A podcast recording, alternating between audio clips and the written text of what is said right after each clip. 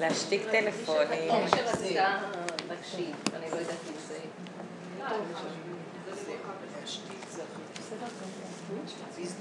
מה שלומכם? בוקר טוב. אבל אני הייתי רוצה שהילדים. אם יכולות לשבת באיזה פינה לשחק איתם טוב. כן, לא, בתוך שנייה משתמשים בזה מתחילים לנוע. שישבו שם באיזה מקום לשחק. כן.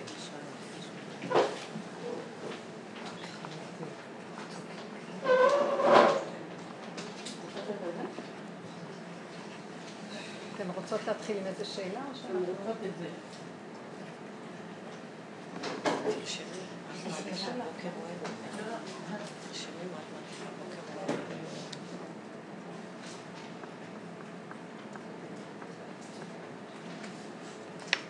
בעצם אה, אני, אני רוצה להפוך את ה... שזה לא יהיה שיעור, שזה יהיה דרך בעבודת חיים. זאת אומרת שאני רוצה שזה יהיה ממומש, בעזרת השם, שניקח את העקרונות של העבודה וניישם אותם עלינו ב... בכל רגע מרגעי החיים. ואז נראה שזה ממש פועל. העיקרון של העבודה בדרך הזאת היא הפוכה ממה שאנחנו רגילים בדרך הטבע. ולכן העבודה הזאת מתאימה לנשים. זו תפיסה של העיגול ולא של הקו. בכל התפיסה הרגילה, אז המציאות של הטבע פועלת לפי מציאות הקו. לכן הזכר הוא חשוב בעבודת הקו, והוא בעצם המוביל. וזו החשיבה של הטבע, של זמן ומקום, לפי התוכנה של עץ הדת. עבר, עתיד, וחשיבה של כן ולא, וטוב ורע. אנחנו מדברים על העיגול. תפיסת העיגול היא התפיסה של האור החדש. והתפיסה של השתוות הצורה. גם הזמן, גם המקום, המציאות של החיים הופכת להיות מונעת מכיוון אחר. עכשיו, זה אי אפשר לנו לבוא בדרך הזאת ולהשתלט על אנשים, ולהגיד להם, ככה זה נכון, וככה איך שאתם זה לא נכון, אבל אפשר להתחיל לעבוד באופן אישי בצורה הזאת, ובמדרגה הפנימית של עבודתנו, מדרגת הנפש, אנחנו נתחיל לראות דברים מדהימים. וזה בעצם התחל, התחלת הגאולה וההתנוצצות של האור הגנוז בתוך מציאות הבריאה עכשיו. זה למשל השתוות הצורה. בעבודה הזאת, באמת, אין לא טוב ולא רע, ולא זמן ולא מקום. באמת, יש שש מצוות האמונה שהוא מונה אותם בהקדמה לספר החינוך. ספר החינוך הוא נותן את הפרשנות שלו על כל המצוות. כאילו הוא מנסה להבין מה הטעם של המצווה, לשיטתו. ובהקדמה לספר הזה, אז הוא מונה את שש מצוות האמונה, והוא כותב שהן תמידיות, זאת אומרת שאין להן זמן מיוחד, שהן בכל מקום, בוא נגיד, זה לא רק בארץ ישראל או בחוץ לארץ, לא וכן. הן תמידיות, הן בכל זמן, בכל מקום, בין אם זה איש ובין זו אישה. וזה מה שמאפיין את האמונה. שהשתוות הצורה אומרת בעצם שאין לנו הבדל, אין הבדלה. בטבע הדברים, ברגע שיש דעת, אז יש הבדלה. כשאומרים אין הבדלה, השתוות הצורה, הכל משתווה. הזמנים משתווים, המקומות משתנים, הדמויות משתנות, משתוות. אז אם כן, אנחנו שומעים כאן שאין דעת, כי הדעת עושה הפרדה. מה הדעת עושה? הדעת מפרידה. היא אומרת, זה גדול, זה קטן, זה רחב, זה צר, זה שמן, זה רזה, זה גבוה, זה נמוך. היא מפרידה, היא מקטלגת, היא מגדירה, מסדרת. ואילו פה אנחנו אומרים, לא, אין לקטלג, אין לסדר, לחזור ליסוד של מקשה אחת. דעת היא בינה? דעת, תכף נגדיר, יפה שאת, אבל כרגע נדבר על הדעת. וכתוב, משיח בא רק בהיסח הדעת. כלומר, יסודו של משיח הוא שייך לאור הגנוז ולסובב, לכוח של, ה... של העיגול. תפיסת העיגול זה האור הגנוז וזה הגאולה. וגר זאב עם כבש, וגדי עם ארי ירבץ. זאת אומרת, שזאב, שהוא דבר בפירוש על פי טבע, שסותר לגמרי את הכבש, הם ישבו ביחד ולא יהיה ביניהם הפרדה ולא יהיה שוני שיגרום למציאות שבטבע זה גורם. וזה אחת מהנבואות העתידיות. עכשיו, אנחנו אומרים שמשיח יבוא כבר ושתבוא גאולה, כל הזמן אנחנו אומרים. האם אנחנו מבינים שאנחנו אומרים מה זה שמשיח יבוא ושתבוא גאולה? האם אנחנו קולטים מה אנחנו מבקשים? והעיקר שנגיד שיבוא כבר משיח, אנחנו נדמים כאנשים שיושבים רגל על רגל, מחכים לקרקס שייכנס לעיר. שישעשע אותנו. אבל כזאת מציאות לא יכולה להיות. כי לו יצויר שיבוא משיח, שהתפיסה שלו היא השתוות הצורה, ולא יהיה, זה כמו שאנחנו אומרים, שנת השמיטה, או בשנת היובל, אין עבדים, הכל חוזר, כל הנחלות חוזרות לשורשים שלהם. אין, אין בעלות על כלום. הארץ כתוב, כי לי הארץ. הארץ שייכת לקדוש ברוך הוא, היא לא שייכת לנו. בטבע היא שייכת לנו, יש ארץ, יש מקום, יש זמן, יש אנחנו, יש הם. באמת של היסוד הכללי העתידי, הארץ לא שייכת לנו בכלל. הארץ שייכת לקדוש ברוך הוא. גם היום? היום זה, מה שאני אומרת, התפיסה של העיגול זה כל הזמן, מתחילת הדורות עד סוף הדורות, אבל העיגול הזה נמצא בגלות. כי בטבע פועל הכוח של כן זה שלנו וזה שלהם, כן אני קיים וכן ההוא לא קיים. אנחנו מגלים את היסוד של האור הגנוז. האור הגנוז נמצא בהסתרה, בגניזה. ולקראת הסוף, הגאולה, שהוא יצא ויחזור בחזרה. זאת אומרת, תפיסת העיגול כל הזמן קיימת, אבל אנחנו לא מתייחסים אליה ולא שייכים לעבוד איתה ולהכיל אותה. כי יש לנו את המוח הטבעי, והמוח הטבעי שולט בנו. מישהו יכעס אלייך ותתאפקי ולא תגיבי כלום. תגידי, בכלל זה לא הוא, זה השם אמר לו לקלל או לריב איתי. אני לא אני מזהה עכשיו שזה אמונה, זה השם. תגידי ככה. השאיפה. אתם רואים עכשיו את כל האיפוק שיש בכל ההנהגה אה, של המדינה, של ראש המדינה והממשלה. זה הנהגה שהיא נראית להרבה אנשים מוזרה כבר כמה זמן. עכשיו לאט לאט מתחילים להבין שדווקא זו הנהגה טובה. אבל האיפוק הזה, ישמע חרפתו ועידו. זה לא מתקבל על פי דעת. מה פתאום? אז השם יפיל לו חללים חללים. זה תפיסה ששייכת לעיגול. אני מתחילה לראות ניצוצי של אור משיח. ההנהגה הזאת מראה לי את ההנהגה של אור משיח. עכשיו, אני ככה עובדת שנים בעבודה בשיטה שלנו. שנים. אם זה יעליב אותי, אני אשתוק. על פי טבע כולם רוצים שאני אקום ואענה לו, כי הוא לא יתנהג יפה, וברור שאני צריכה להחזיר לו מנה אחת אפיים. על פי העבודה שלי אני אומרת, תשתקי.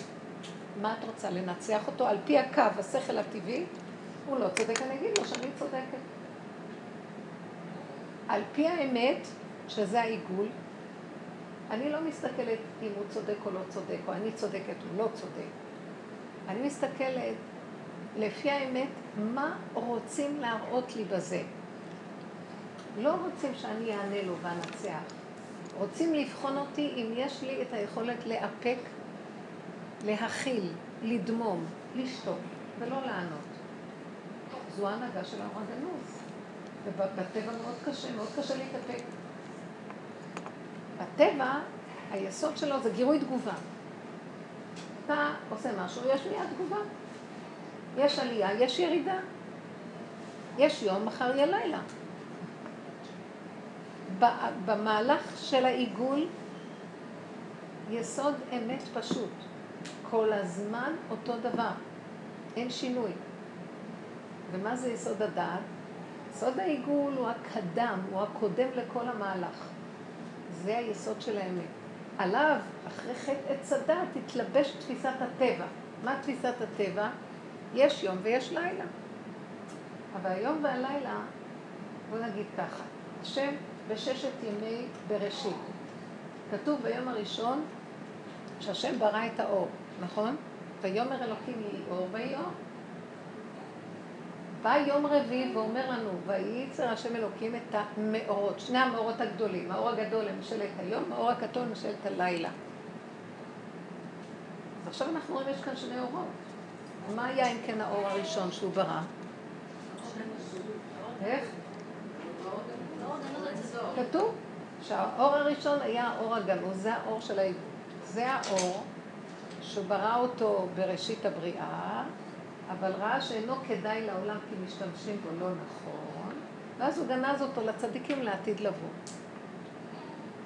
ובמקום זה הוא תלה את המאורות, שיוצרים מציאות של אור בכוכבי הלכת שלנו. אבל בואו נזיז את השמש מכוכבי הלכת, כל הזמן יש יקום שהוא בעצם חשוב. חושך יש. אם לא נתלה את השמש בבוקר, אם לא יתלה לנו את השמש בבוקר, אז יש לנו חושך פה. אז אומרים חז"ל שהחושך הזה שנמצא תמידי ביקום הוא בעצם האור הגנוז. הוא בעצם האור, הוא כל כך אור גדול שאין אנחנו יכולים להכילו. אז הוא כל הזמן נראה לנו חשוב. החושך הוא הסתר של השמש. מה? החושך הוא הסתר של השמש, הוא לא בא בפני עצמו. החושך הוא? הוא הסתר של השמש. לא. הוא עומד בפני עצמו. החושך תמיד עמד בפני עצמו, וכשהשם זז אז הוא מתגלה שוב.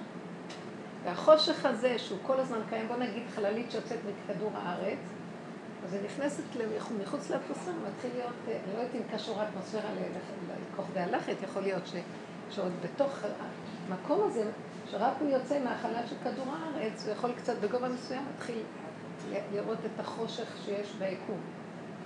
החושך הזה הוא בעצם היסוד הראשוני. לנו הוא נראה חושך, ובאמת כתוב שהוא נקרא בוצינותא דקרבינותא. האור החשוך זה נקרא. מרוב שהוא אור גדול אין לנו יכולים להכילו.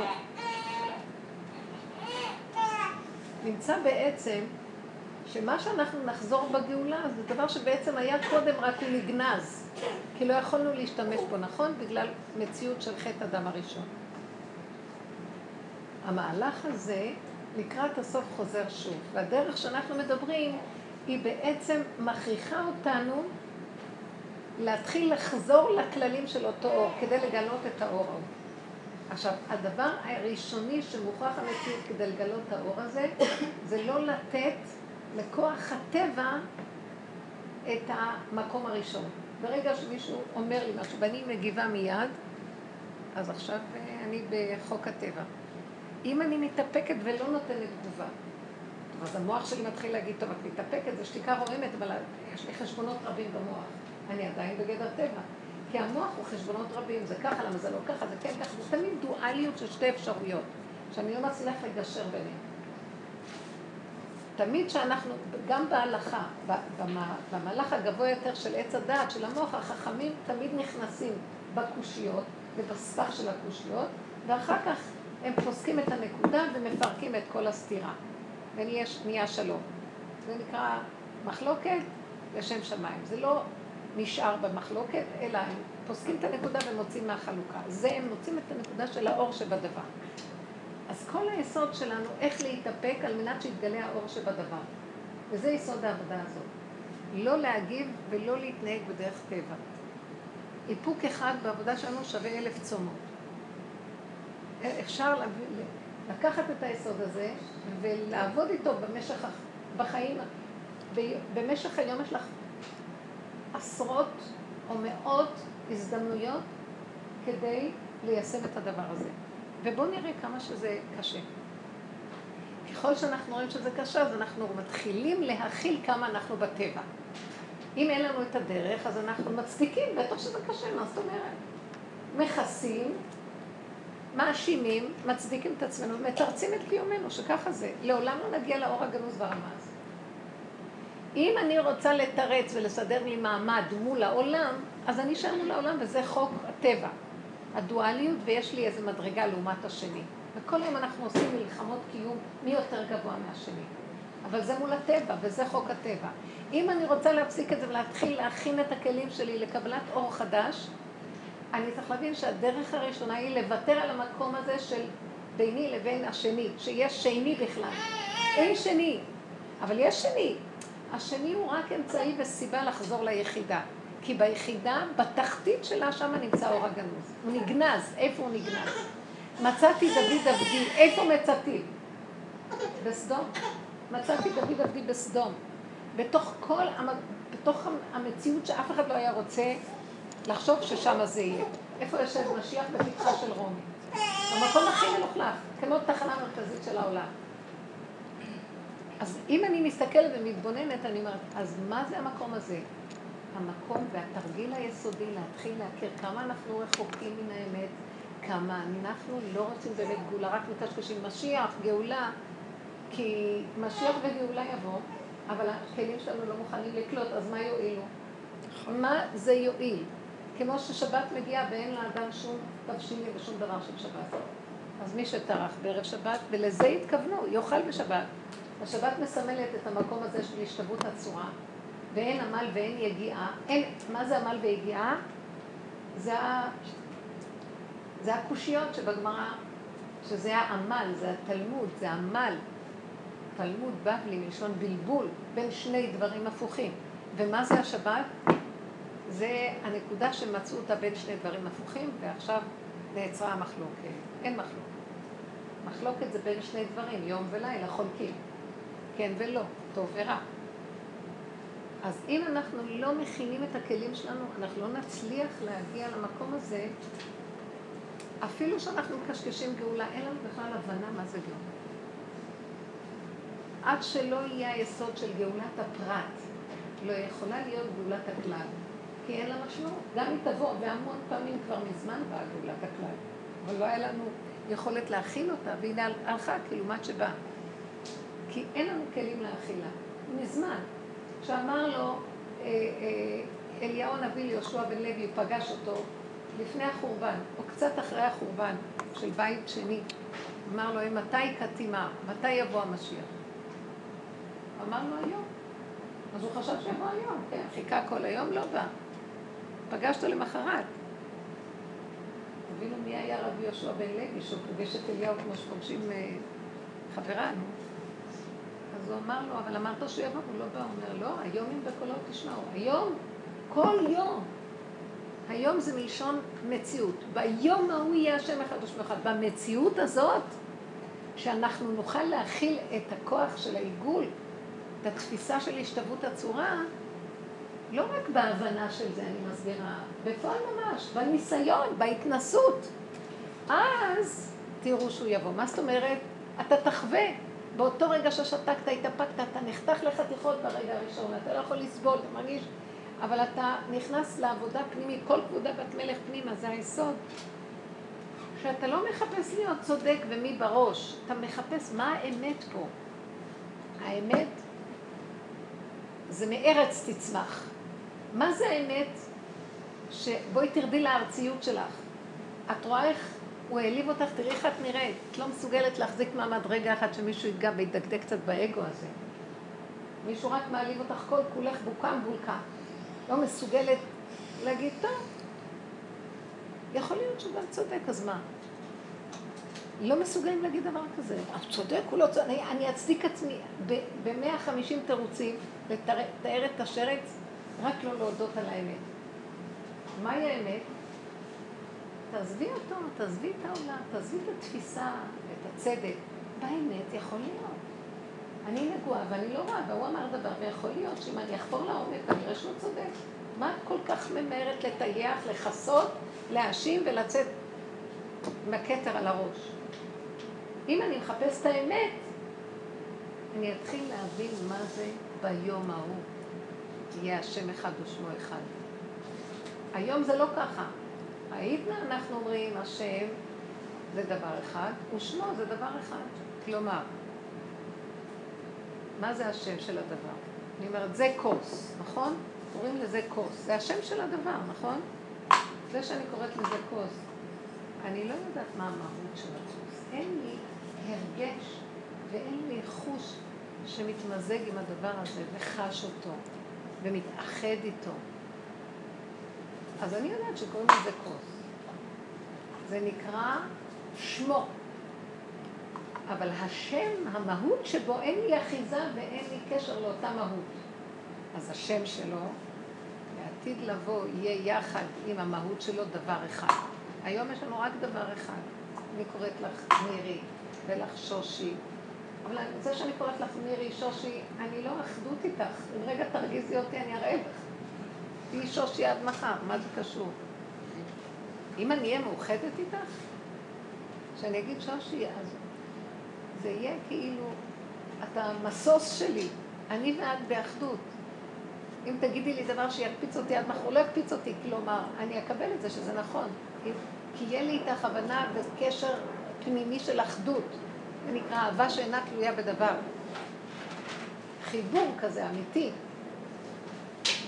אבל את יודעת, הרבנית, מה שאת אומרת, באמת אפשר להשיג בנקודות. זאת, אבל אז זה, זה נעלם, ושוב המוח נפתח, ושוב הוא מסכסך. ואז השושי הזאת היא כבר לא, אבל כן, כן מצליחים להגיע לנקודה הזאת. אבל למה זה לא מחזיק? למה זה לא מחזיק? כי עולם הטבע הוא לא מחזיק. ואנחנו חיים בכוח של הטבע. אם יש לך סבלנות להכיר את זה ולא להישבר ולא להתייאש, פתאום יבוא אדון אליך לא. אם אנחנו נשברים ואומרים כמה אפשר לעבוד, זה, מה שאני מדברת לכם זה עקרונות של האור הגנוז. בואו נתחיל ליישם אותם. מה תראו? שהחוק של הטבע הוא איך הוא חזק. האור הגנוז הוא, הוא חיוור לעומתו. אנחנו כאן עם כל ההגשמה של הטבע. כעס אחד מפרק בשנייה את כל האלוקות. כן, אבל לא תמיד את יכולה אה, להבליג. יש מקומות, יש אנשים, יש מצבים שאי אפשר להבליג בהם. כשזה מגיע, נגיד, מה אני אגיד לך? מישהו שרוצה להרוג אותך. את לא יכולה להבליג פה. שמתם לב למדיניות שיש עכשיו? בסדר. שכאילו הורגים אותנו ואנחנו מבליגים.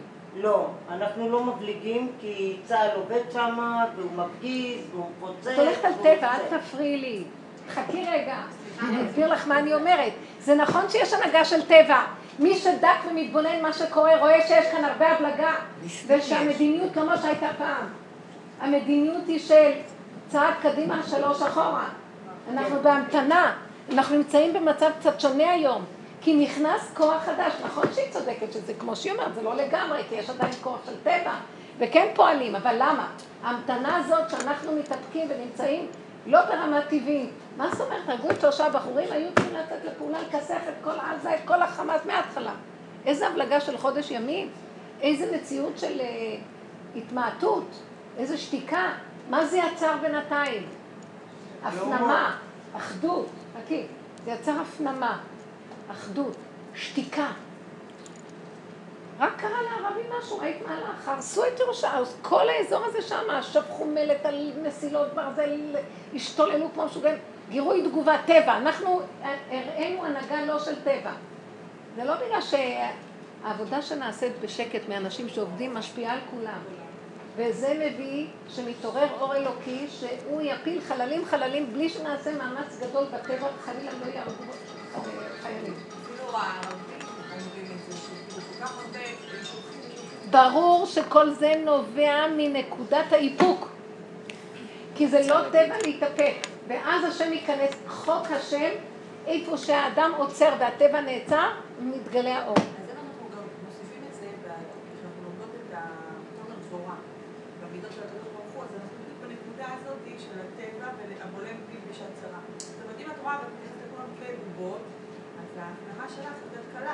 בדיוק. אבל את צריכה להידמות בזה לקדוש ברוך הוא, וזה עבודה, יש לך יום נכשלת, יום אה, עולה. תקשיבי, אני לא... נכון שזה השכל אומר לי, את צריכה להידמות לקדוש ברוך הוא. אבל עוד פעם, זו שיטה ששייכת לטבע. תומר דבורה הוא עובד, הוא, הוא, הוא ספר של אמת, אבל אנחנו שלומדים אותו, לוקחים אותו, מגיירים אותו לטבע ועושים חשיבה. אני והשם. בעבודה שאנחנו עושים, זה הופך להיות דבר אחד. זה לא שאני צריכה להידמות לקדוש ברוך הוא. אין לעולם האני לא ידמה לקדוש ברוך הוא. לעולם לא. הוא יכול להידמות, אולי הוא יהיה דמיון, אבל הוא יהיה באמת. מה זה להיות באמת עם השם? השם אחד ושמו אחד? כשאני שומע את החרפה עומד, ואני לא מחפש עכשיו שאני אהיה דומה להשם, אז אני עכשיו מתאפק כי אני רוצה להיות דומה להשם. אין לי עכשיו השם, באותו רגע שהם מבזים את האדם, הוא לא חושב עכשיו אני דומה להשם, כי הוא נחתך לחתיכות, הוא מת, הוא בכלל לא יכול. האגו שלו עכשיו מת, כי האגו רוצה להידמות לבורא. אתם מבינות מה אני מדברת? באמת, האמת, לא מחפשים את הבורא בכלל. הוא, הוא, זה הוא. האמת והבורא זה דבר אחד, אני והבורא זה דבר אחד. אבל השכל מפריד ביני לבינו ואומר אני רוצה להידמות לו. זה עוד פעם, לוקחים מהלך שאנחנו כל לא הזמן... להידמות רגע. לו, זה להידמות למידות. לא, לא, לא, אני גם לא רוצה להידמות למידות. אני לא רוצה יותר את המקום הזה, אני רוצה להיות גולם ושהוא ייכנס בתוכי ויעשה מה שהוא רוצה. זה מהלך אחר לגמרי. זה לא עוד עבודה של אני צדיק. זה לא צדיק ולא רשע, אין שני, אין דואליות. כי גם אני, בתוך אני שרוצה להיות צדיק זה גם אגו. ואז הרבה פעמים אותו אגו הולך מול השני ואומר, אבל אני צדיק ואתה פחות. כי הוא חש את צדקותו, באמת, הצדיקים חשים את צדקותם, ולא מן הנמנע שגם יראו שאחרים הם רשעים. ואילו האור הזה מתגלה כשאף אחד לא ירגיש שזה רשע וזה צדיק, כלום. זה לא אומר שלא יהיו צדיקים ורשעים, זה אומר שלא יהיה, לא יהיה תחושה לצדיק שהוא צדיק. הוא לא יחזיק טיבותה לנפשי, מה שנקרא. הוא לא ירגיש שהוא מציאות של משהו. ואז מתגלה האור הגנוז. זה החוק שלו. כל עוד יש איזה אני שאפילו טוב, הוא לא יכול להתגלות, כי הוא אני. לכן גם העבודה של כל הדורות להפוך את הרע לטוב ולהיות אני צדיק, גם זה לקראת הסוף יתמוסס, זה נקרא השתוות הצורה. אז מה? מגיע לדרגה הזאת של בורא? שתיקה, הרבה שתיקה, לא להצדיק את המוח, לסגור את המחשבה הטבעית של הדואליות הזאת, לא להצטדק, לא להצדיק, לא להתנצל ולא להתנצח, לא להתווכח. לקבל את המקום הזה, היא אומרת שלפעמים צריך לענות, והיא צודקת. אבל אני אגיד לכם, כל פעם שאני עונה, ברוב המקרים, אני עושה אחר כך תשובה וחוזרת. כי באמת, אני לא רוצה לענות. והאמת, שהרבה פעמים ראיתי שכשאני לא רוצה לענות, בכל אופן אני עונה הרבה פעמים מרגישה שהשם נתן רשות, והבן אדם הזה היה צריך לשמוע מה שאני אמרתי. אבל אין לי כנגדו כלום, ולא אכפת לי אם הוא ישמע או לא ישמע. זה כאילו הקול שלי הוא שליח של השם להגיד לו, אבל לא שייך אליי. סוף סוף השם נתן לי רשות לצאת ואבי אבי בנה. כן? אין את התחושה של השייכות האישית לדברים, וזה סימנו של הגולם. לא אכפת לו. מה, מה משנה לו אם כך או כך? הוא רק שליח. האם אכפת לזה ששם את בתיבת הדואר את המכתבים, אם זה יהיה צבע ירוק או אדום, או אם נשים בתיבה הזאת או בתיבה הזאת? לא. הוא שליח לשים מכתבים בתיבות. שמעתי שהיה אחד שזרק את כל המכתבים בפח הזבל כל פעם, והיה דבר אחד, עד שגילו שפשוט לא מקבלים דואר. עשה עבודה מאוד נחמדה. אני יכולה להגיד משהו? כן. ראיתי השבוע ראיון נהדר עם אה, סגן ראש השב"כ לשעבר. במקרה, אני לא רואה טלוויזיה. בעלי ראה את החדשות, את רואה פאנל של יועצים וזימנו אותו. אחד אומר, צריך להיכנס, לכבוש, לזה, לנקות את השטח. השני אומר, לא, נחכה שהם יגידו שלום וזה, נעשה הסכמי שלום. ההוא ישב ואמר, אנחנו לא עושים כלום. אמרתי לבעלי, תראה, תראה, תראה מה הוא אומר. הוא אומר, אנחנו יושבים ואנחנו לא מסכנים אף חייל שלנו שייכנס פנימה ונתחיל לנקות את השטח. אנחנו יושבים ומחכים, הם שולחים טיל, אנחנו שולחים טיל. אתם רואים איזה יופי? זה זאת בדיוק העבודה מה של שאת האיגוד, אומרת. ושב ואל תעשה עדיף. אנחנו, אני תמיד אומרת לכם, בנות, זה היה מדהים. אם אני אתפוס לא, מקום, שת- שתדעי לך, הוא אמר, אלה אומרים ככה ואלה אומרים ככה, אומר, אני אומרת לכם שהדרך עוברת להנהגה, זו הנהגת. אמת. האור של משיח שייך להנהגה הזאת, אני לא צריכה מזה הוכחה, זה ברור לי. ואתן בעצמכם כשאתן עובדות, אתן מרגישות את השינוי. זה ברור מאליו, ההנהגה היא שונה, זה לא גירוי תגובה, ונראה להם מי הם, ומה הם חושבים לעצמם. זה זה כל כך אה, של הגברים, כי נכון. לא לא הזעם, הזעם כאילו מתחיל, כאילו כזה התסכול שלא עושים אני.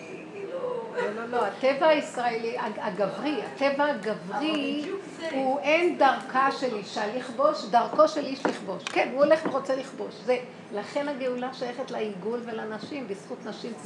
הם יתחילו את המהלך הזה, ואני אני אמרתי לכם אלף פעם, כל המהלך שיש היום בעולם והבלבול זה בגלל הנשים, בייחוד הנשים, אנחנו הנשים החרדיות, בוא נגיד, או הדתיות, או אלה שיש להם יותר ערך בעבודת אמת, כשהם הולכים בתלבושת של הגברים, הם הורסים את העולם. כי אם הנשים היו תופסות את הדרך הזאת ונכנסות פנימה, ולא את המקום של הכיבוש והשליטה והמנהיגות, וכן, נצחנות וכן הלאה, יזמות, מה לא? אני לא קוראת לזה יזמות, אני קוראת לזה זימתיות. זה המקום שהוא בדיוק מפריע לגאולה.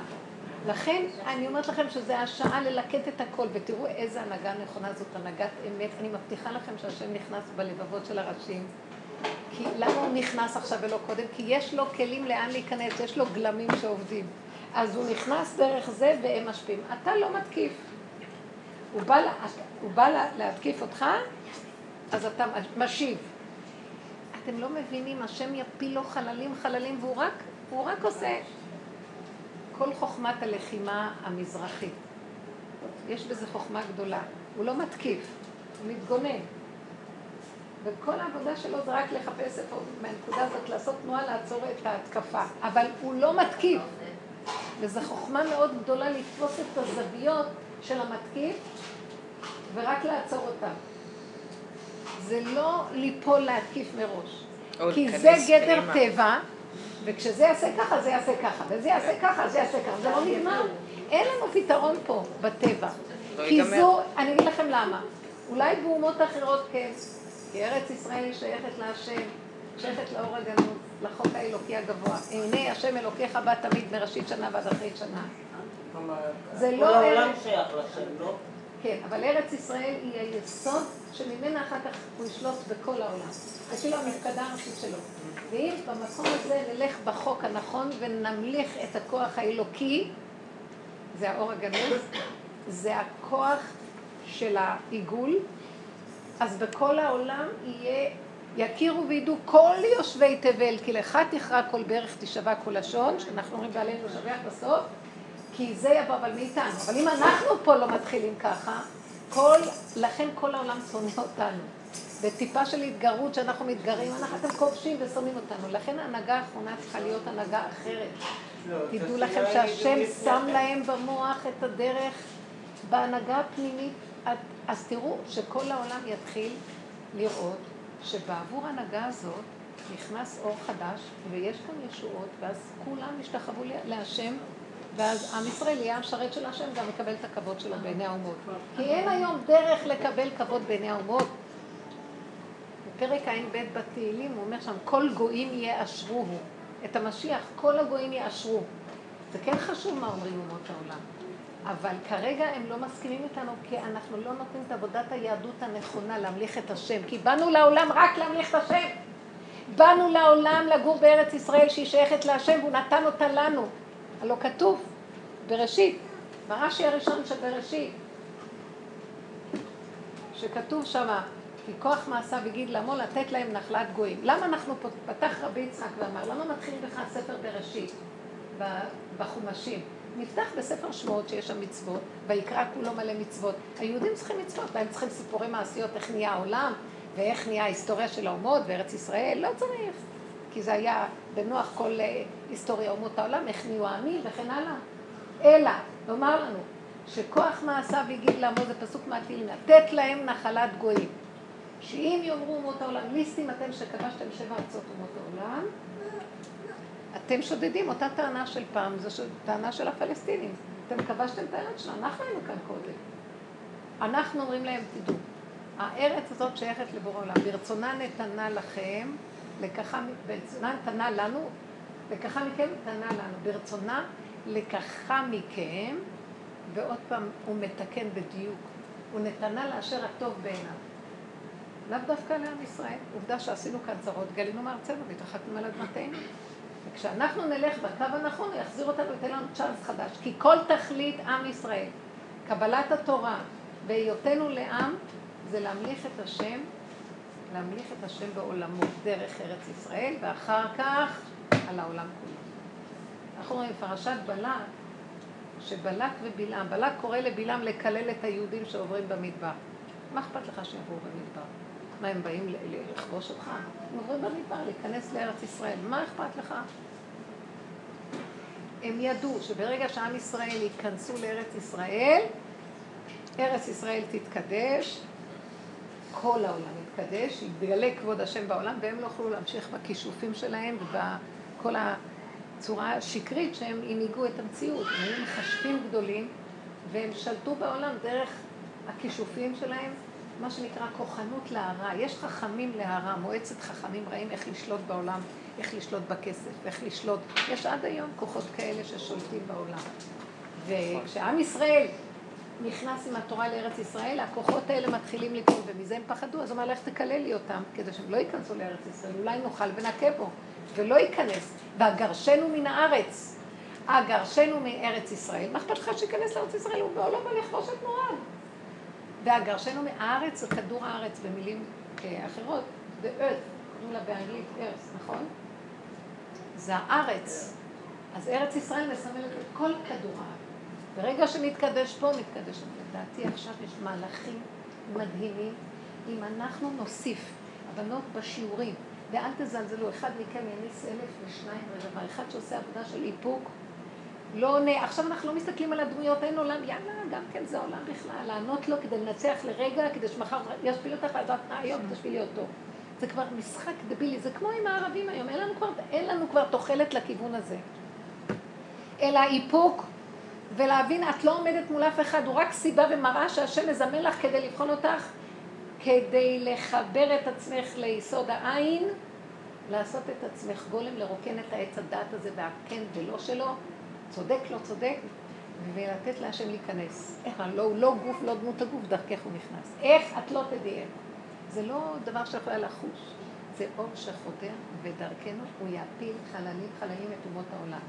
אתם לא תדעו איזה ניצחונות יהיו דברים מדהימים. בתוך התעלות והמנהרות שלהם הם יכולים להפציץ את עצמם ובזה ייגמר הכל. בשנייה אחת שמתמוטט עליהם האדמה, רעידת אדמה, בשנייה שמיים עולה וצף עליהם. אין לנו יכולות להבין איך דרכי השם נסתרות. בשנייה אחת הם גם נכנעים ויוצאים החוצה והם ישרתו אותנו. לא בשביל שאנחנו משרתים, כדי שנוכל לעשות את העבודה הנכונה והיא, ונשבית חיה רעה מן הארץ. אני רוצה להגיד משהו, אני לא יודעת אם אתם קראתם, אבל היה מח"ט גבעתי, הוא כתב איגרת, פעם ראשונה שקורה דבר כזה, שמח"ט הוא דתי, הוא כתב איגרת, וכל האיגרת היה שאנחנו הולכים בשם השם. הוא אמר לחיילים. אמר לחיילים. לא, הוא כתב אבל איגרת, ממש. כאילו הפיצו את האיגרת הזאת לחיילים, שאנחנו הולכים בשם השם לנצח את אלה שביזו את שם השם. ככה, ככה. מדהים. תראו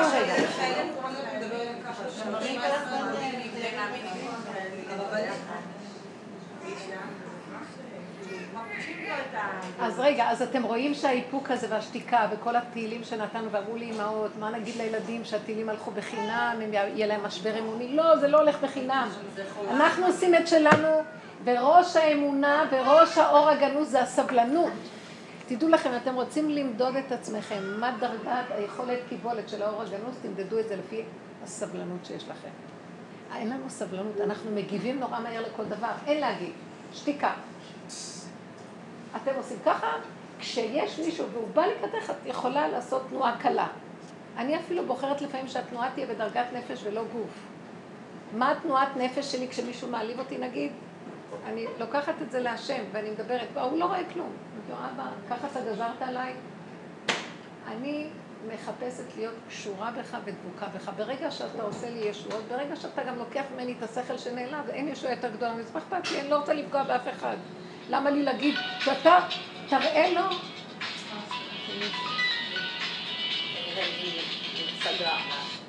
שאתה תראה לו, למה שאני, וגם אני לא רוצה, אם הוא חשב להגיד, הוא ישתוק, לא יקרה לו רע, ולבד ייכנס בתוכו מאת השם מחשבה, מה עשיתי, למה הייתי צריכה לדבר? זה קורה. לכן כל עבודת העיקר של כל המהלך הזה, יסוד הצמצום, כי אני אגיד לכם משהו, האלוקות זה כוח הצמצום. ככל שאנחנו מתרחבים, עץ הדעת זה ההתרחבות, וייתם כאלוקים, זה הדמיון. זה המציאות הזאת של הכן והלא, זה הסקאלה. ואילו האלוקות זה הקו האמצע שביניהם, זה הצמצום של הכוחות למדרגת עין. אין יש. אפילו הלא הוא, הוא יותר, הלא הוא יותר טוב מהכן. כי הוא קצת מתקרב ל, ל, לעין. אבל הכן, אל תהיו חיובי. היום העולם, עכשיו זה כאילו עולם של חיוביות. אין יש יותר גדול ממנו. אין גניבה יותר גדולה מעולם החיובי. הלא מחזיר את זה קרוב יותר לעין. לכן עבודתנו היא בדרגה הזאת של אנחנו לא פונים דרך החיובי שלנו בעבודת השם. אנחנו מחפשים איפה אני תקוע. מישהו מעליב אותי, אומרת, רגע, ואת לא... את חושבת שאת יותר טובה? תשתקי, חפשי את עצמך. באותו רגע שאני מחפשת את יסוד הפגם, שמה נמצא יסוד האלוקות. אין לכם מושג עד איפה, כמו שאמרתי לכם, מצאתי דוד עבדי בסדום. איפה מצאתי בסדום? ולמה הייתי צריך למצוא? כי דוד הלך לאיבוד. כי אי אפשר למצוא בן אדם אם הוא לא הלך לאיבוד קודם, נכון? אז דוד הלך לאיבוד. מה זה הלך לאיבוד? הוא איבד את היש שלו. פגעו בו והוא לא ענה. זה לא דבר פשוט. או דבר בא, סותר לטבע, ויש לו רשות בטבע לעשות, בתור מלך ובתור טבע, והוא לא מתנהג ברשות הזאת. זה דרגה אלוקית. זה כבר לא דרגה של טבע חיובי. יותר מזה. עכשיו הוא אומר, עזוב טבע, שלילי חיובי. מה לי שלילי, מה לי חיובי? אני רוצה גילוי השם, כי אין על פי טבע פה יותר מה לעשות. אין על פי טבע פה מה לעשות יותר. זהו, ששת אלפים נגמרים. צריך להכניס את האלף השביעי. והזמן הזה הוא זמן מאוד מאוד חשוב. לך מי בוא בחדריך, סגור דלתיך בעדיך, דלתות עץ הדת של כן ולא טוב ורע, נכון לא נכון. להגדיר, לדרג. ההוא ככה וההוא ככה, ההוא קטן, ההוא גדול. מה אכפת לך אם ההוא קטן, הוא גדול? מה זה קשור אלייך? זה שייך הכל לבורא עולם, אין לנו בעלות על שום דבר. יותר מדי אנחנו כאן... אה, מנהלים. יותר מדי אנחנו, יש לנו מה לומר. הלוואי והשתתקו כל הפרשנויות האלה. עוד רק, אני באוטובוס נסעתי, אי אפשר לשמוע אותם, ברברת. טוחנים בלי לא סוף. מצליחה לשמוע אותם, מי שואל את דעתך? היה שם איזה עיתון, רציתי לראות את הכותרות. זה לא ידיעות, זה דעות. זה לא ידיעות אחרונות, זה היה דעות. הם מדברים המון, בלי. סבל, ולכן זה תראו את ההנהגה. שלה, כל ההנהגה שלה, ש- לא. שזה לא, אני לא נותנת להם את הקרדיט, תאמינו לי, זה בורא עולם נכנס פה לב מלכים ורוזנים ביד השם. מאיפה זה יצא? בסוף ימצאו איזה קבצן עלוב, כמו אליעזר החבר שלי, שממנו כל הישועה. הוא צמצום נוראי, שקט, אני שואלת אותו שלום, אני לא יודע, לא יודע, כל הזמן מביא לי דלאות ענקיות. כל דלת עולה 100 שקל. דלת ענקית הוא מביא לי, אני אומרת לו, אני לא צריכה את כל זה. אז הוא מביא, כמו גולם, הוא עושה את עצמו כמו מטומטם. ואני אומרת, מה אני אעשה עם הדלת? יום אחד אני קלטתי שפשוט רוצה להגיד לי, די לדעת, די לדעת, די לדעת, דלת, תהיי דלת יותר טוב, די לדעת.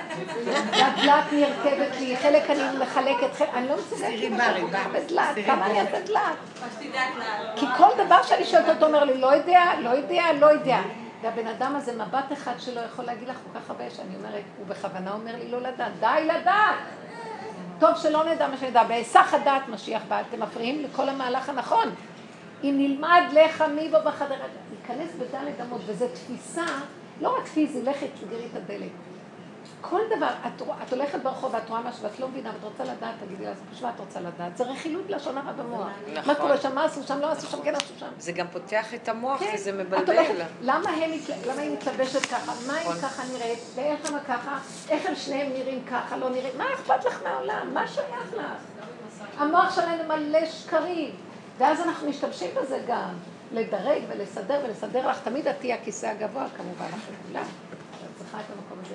זה הלא כל כך עלוב, זה ילדותי, לחפש תדמית חיובית כדי שמזה יהיה לי ממה לחיות. אני רוצה לחיות מהשם, אני רוצה להיות דבוקה בו. רוצה לחיות ממנו. טיפה של אור שלו מסדר לי את כל העולם. כן. שאלה. לגבי בן אדם יש החלטה לעשות. יש לו מה? החלטה, כאילו צריך להחליט. נכון. צריך להכריע כן, שהוא לא לעשות משהו. אז זה כאילו משהו בחיים. פועלים בדרך אני אגיד לך את האמת, הרבה פעמים ראיתי, בחוש, שזמנים שצריך לעשות החלטות, ואין לי בהירות ברורה. נכון שיש בחיים זמנים לעשות דברים, החלטות. זה כל כך מוזר. את צריכה לעשות החלטה. אם את צריכה לעשות החלטה, אז ההחלטה צריכה לצאת לפועל, נכון? אם את לא מצליחה לעשות החלטה, אז סימן שאת לא תעשי החלטה. מה הבעיה? כל כך פשוט. לא, אני חייבת להחליט. סליחה, אם אני, יש לי שני דברים, ואני לא יודעת מה להחליט ביניהם, אני אשב כמו משוגעת ואני אתלבט מה אני אחליט. או, תדחי עכשיו את ההחלטה, לכי תעשי משהו אחר, ואת תראי שברגע שפתאום יהיה לך שקט, תדעי מה לעשות, נקודה. זה מה שאמרת לכם. אמונה, וזה יסוד העיגול. זה הסבלנות. אין סבלנות, עכשיו רוצים. בסדר, אם עכשיו זה מסתדר, אז צריכה להיות, כל תינוק בא לעולם וכיכרו בידו. בא תינוק, בא כיכר. בא תינוק ואין לו כיכר, אז מה אני אאכיל אותו? השופט כל הארץ לא יעשה משפט, וגם תדעו דבר אחד, זה לא יכול להיות שבאה החלטה, זמן לעשות החלטה ולא יהיה את התשובה שלה. אבל אני קלקלתי, כי המוח שלי תופס את ההחלטה והוא מתבלבל איתה. תמיד בכל דבר שמגיע, מגיע תינוק לעולם כיכרו בידו. באה החלטה, ותשימו לב, אם היינו מתאמנים בלסגור את המוח, היינו קולטים את הדבר הראשון מיד ויודעים מה לעשות. מה אנחנו עושים? יושב שם שד, שרגע הוא בא לו ככה ורגע בא, משוגע, קריזיונר. ואז אני הולך אחריו, והתבלבלתי ואיבדתי את הנקודה הראשונית שהיא נקייה וכן יודעים מה לעשות. אבל רק לברר, אז בוא נגיד בהחלטה, אז יש הרגשה שבאמת אני רוצה, כאילו אני רוצה את זה, כן? אני רוצה לפרט. אבל לפי השכל, זה לא הזמן. שמי? מישהו... לא- זה לא הזמן. כאילו לפי השכל, כאילו, מכל השיקולים וזה, זה לא הזמן, צריך להמתין. אבל בפנים, זה משהו שאני באמת רוצה. אז יש לי כאילו את ה... עם השם, כאילו כביכול את השיחה שזה. אז אני אומרת לעצמי, צריך להתבגר, להתבגר, וכאילו לקבל את זה, להמתין. כאילו להמתין עכשיו. להתגבר, ולהמתין כרגע. אבל מצד שני אומרת, מה- מה השכל שאומר לי באמת כאילו, ש- שעכשיו לא... עכשיו יפה מאוד. את רואה עכשיו, זה ציור של שני דברים סותרים, ולאדם יש מצוקה. אני הייתי מציעה להזמין את השופט השלישי בין שני הכוחות, בין הטוען והניתן, ושהשופט יגיד, מותק, תראי באיזה מצוקה את נמצאת, מה אכפת לך לא מזה ולא מזה, לכי לשתות איזה משהו, ותפסיקי, תעזבי את שניהם, אתם מבינים מה קורה? אם היית רגע משקיפה על עצמך ורואה באיזה מצוקה את נמצאת, היית אומרת, שווה לי בכלל. וואלה, למה שהשכל ינצח? כי יש לי חשק למשהו. אז השכל אומר, טוב, תנסי, תראה, אחר כך תאכלי אותה ואחר כך תצטערי מאוד. טוב, בסדר, אבל אחרי רגע היצריות עוד פעם קופצת, הדחפים היצריים, אבל השכל, וכל היום מלחמה. אני עייפה מהמלחמות. משיח יגיד, די ממלחמות. אתם יודעים, הוא יביא שלום לעולם, ויגיד, איך הוא יביא שלום לעולם? הוא יגיד לזה, אתה רשע ואתה צדיק? לא, הוא יגיד, אני עכשיו לא מתעסק לא איתך ולא איתך, תנו לי עכשיו איזה... הוא יסיח את הדעת, יש לו יכולת הסחה. מה הכוונה? הוא מקבל את המצב, הוא מכיל את המציאות, והוא לא, הוא לא מגיב. והוא הולך מסביב. הוא מוצא איזה נתיב לצאת מכל העסק הזה, ומה? אחרי חמש דקות את תדעי בפירוש, כשיש היסח הדעת ויש שקט, פתאום את תראי שהשכל היה הכי צודק פה, או הפוך. יבוא יצריות כזאת ששום שכל לא יעמוד מולה, אז כנראה ככה זה צריך להיות. אל תזלזלי ביצריות. לפעמים היצריות היא אמיתית יותר מהשכל. לפעמים לא, לפעמים כשאני רואה בלבול בשכל, אני עוצרת, אומרת תיקון הכללי, כמה צדקה, יודעת. ואני לא, אני אומרת משהו אחר. אני חושבת שאני רוצה להראות לך כיוון. זה הכיוון הצדקותי. בכיוון אחר, אני, כי, כי למה?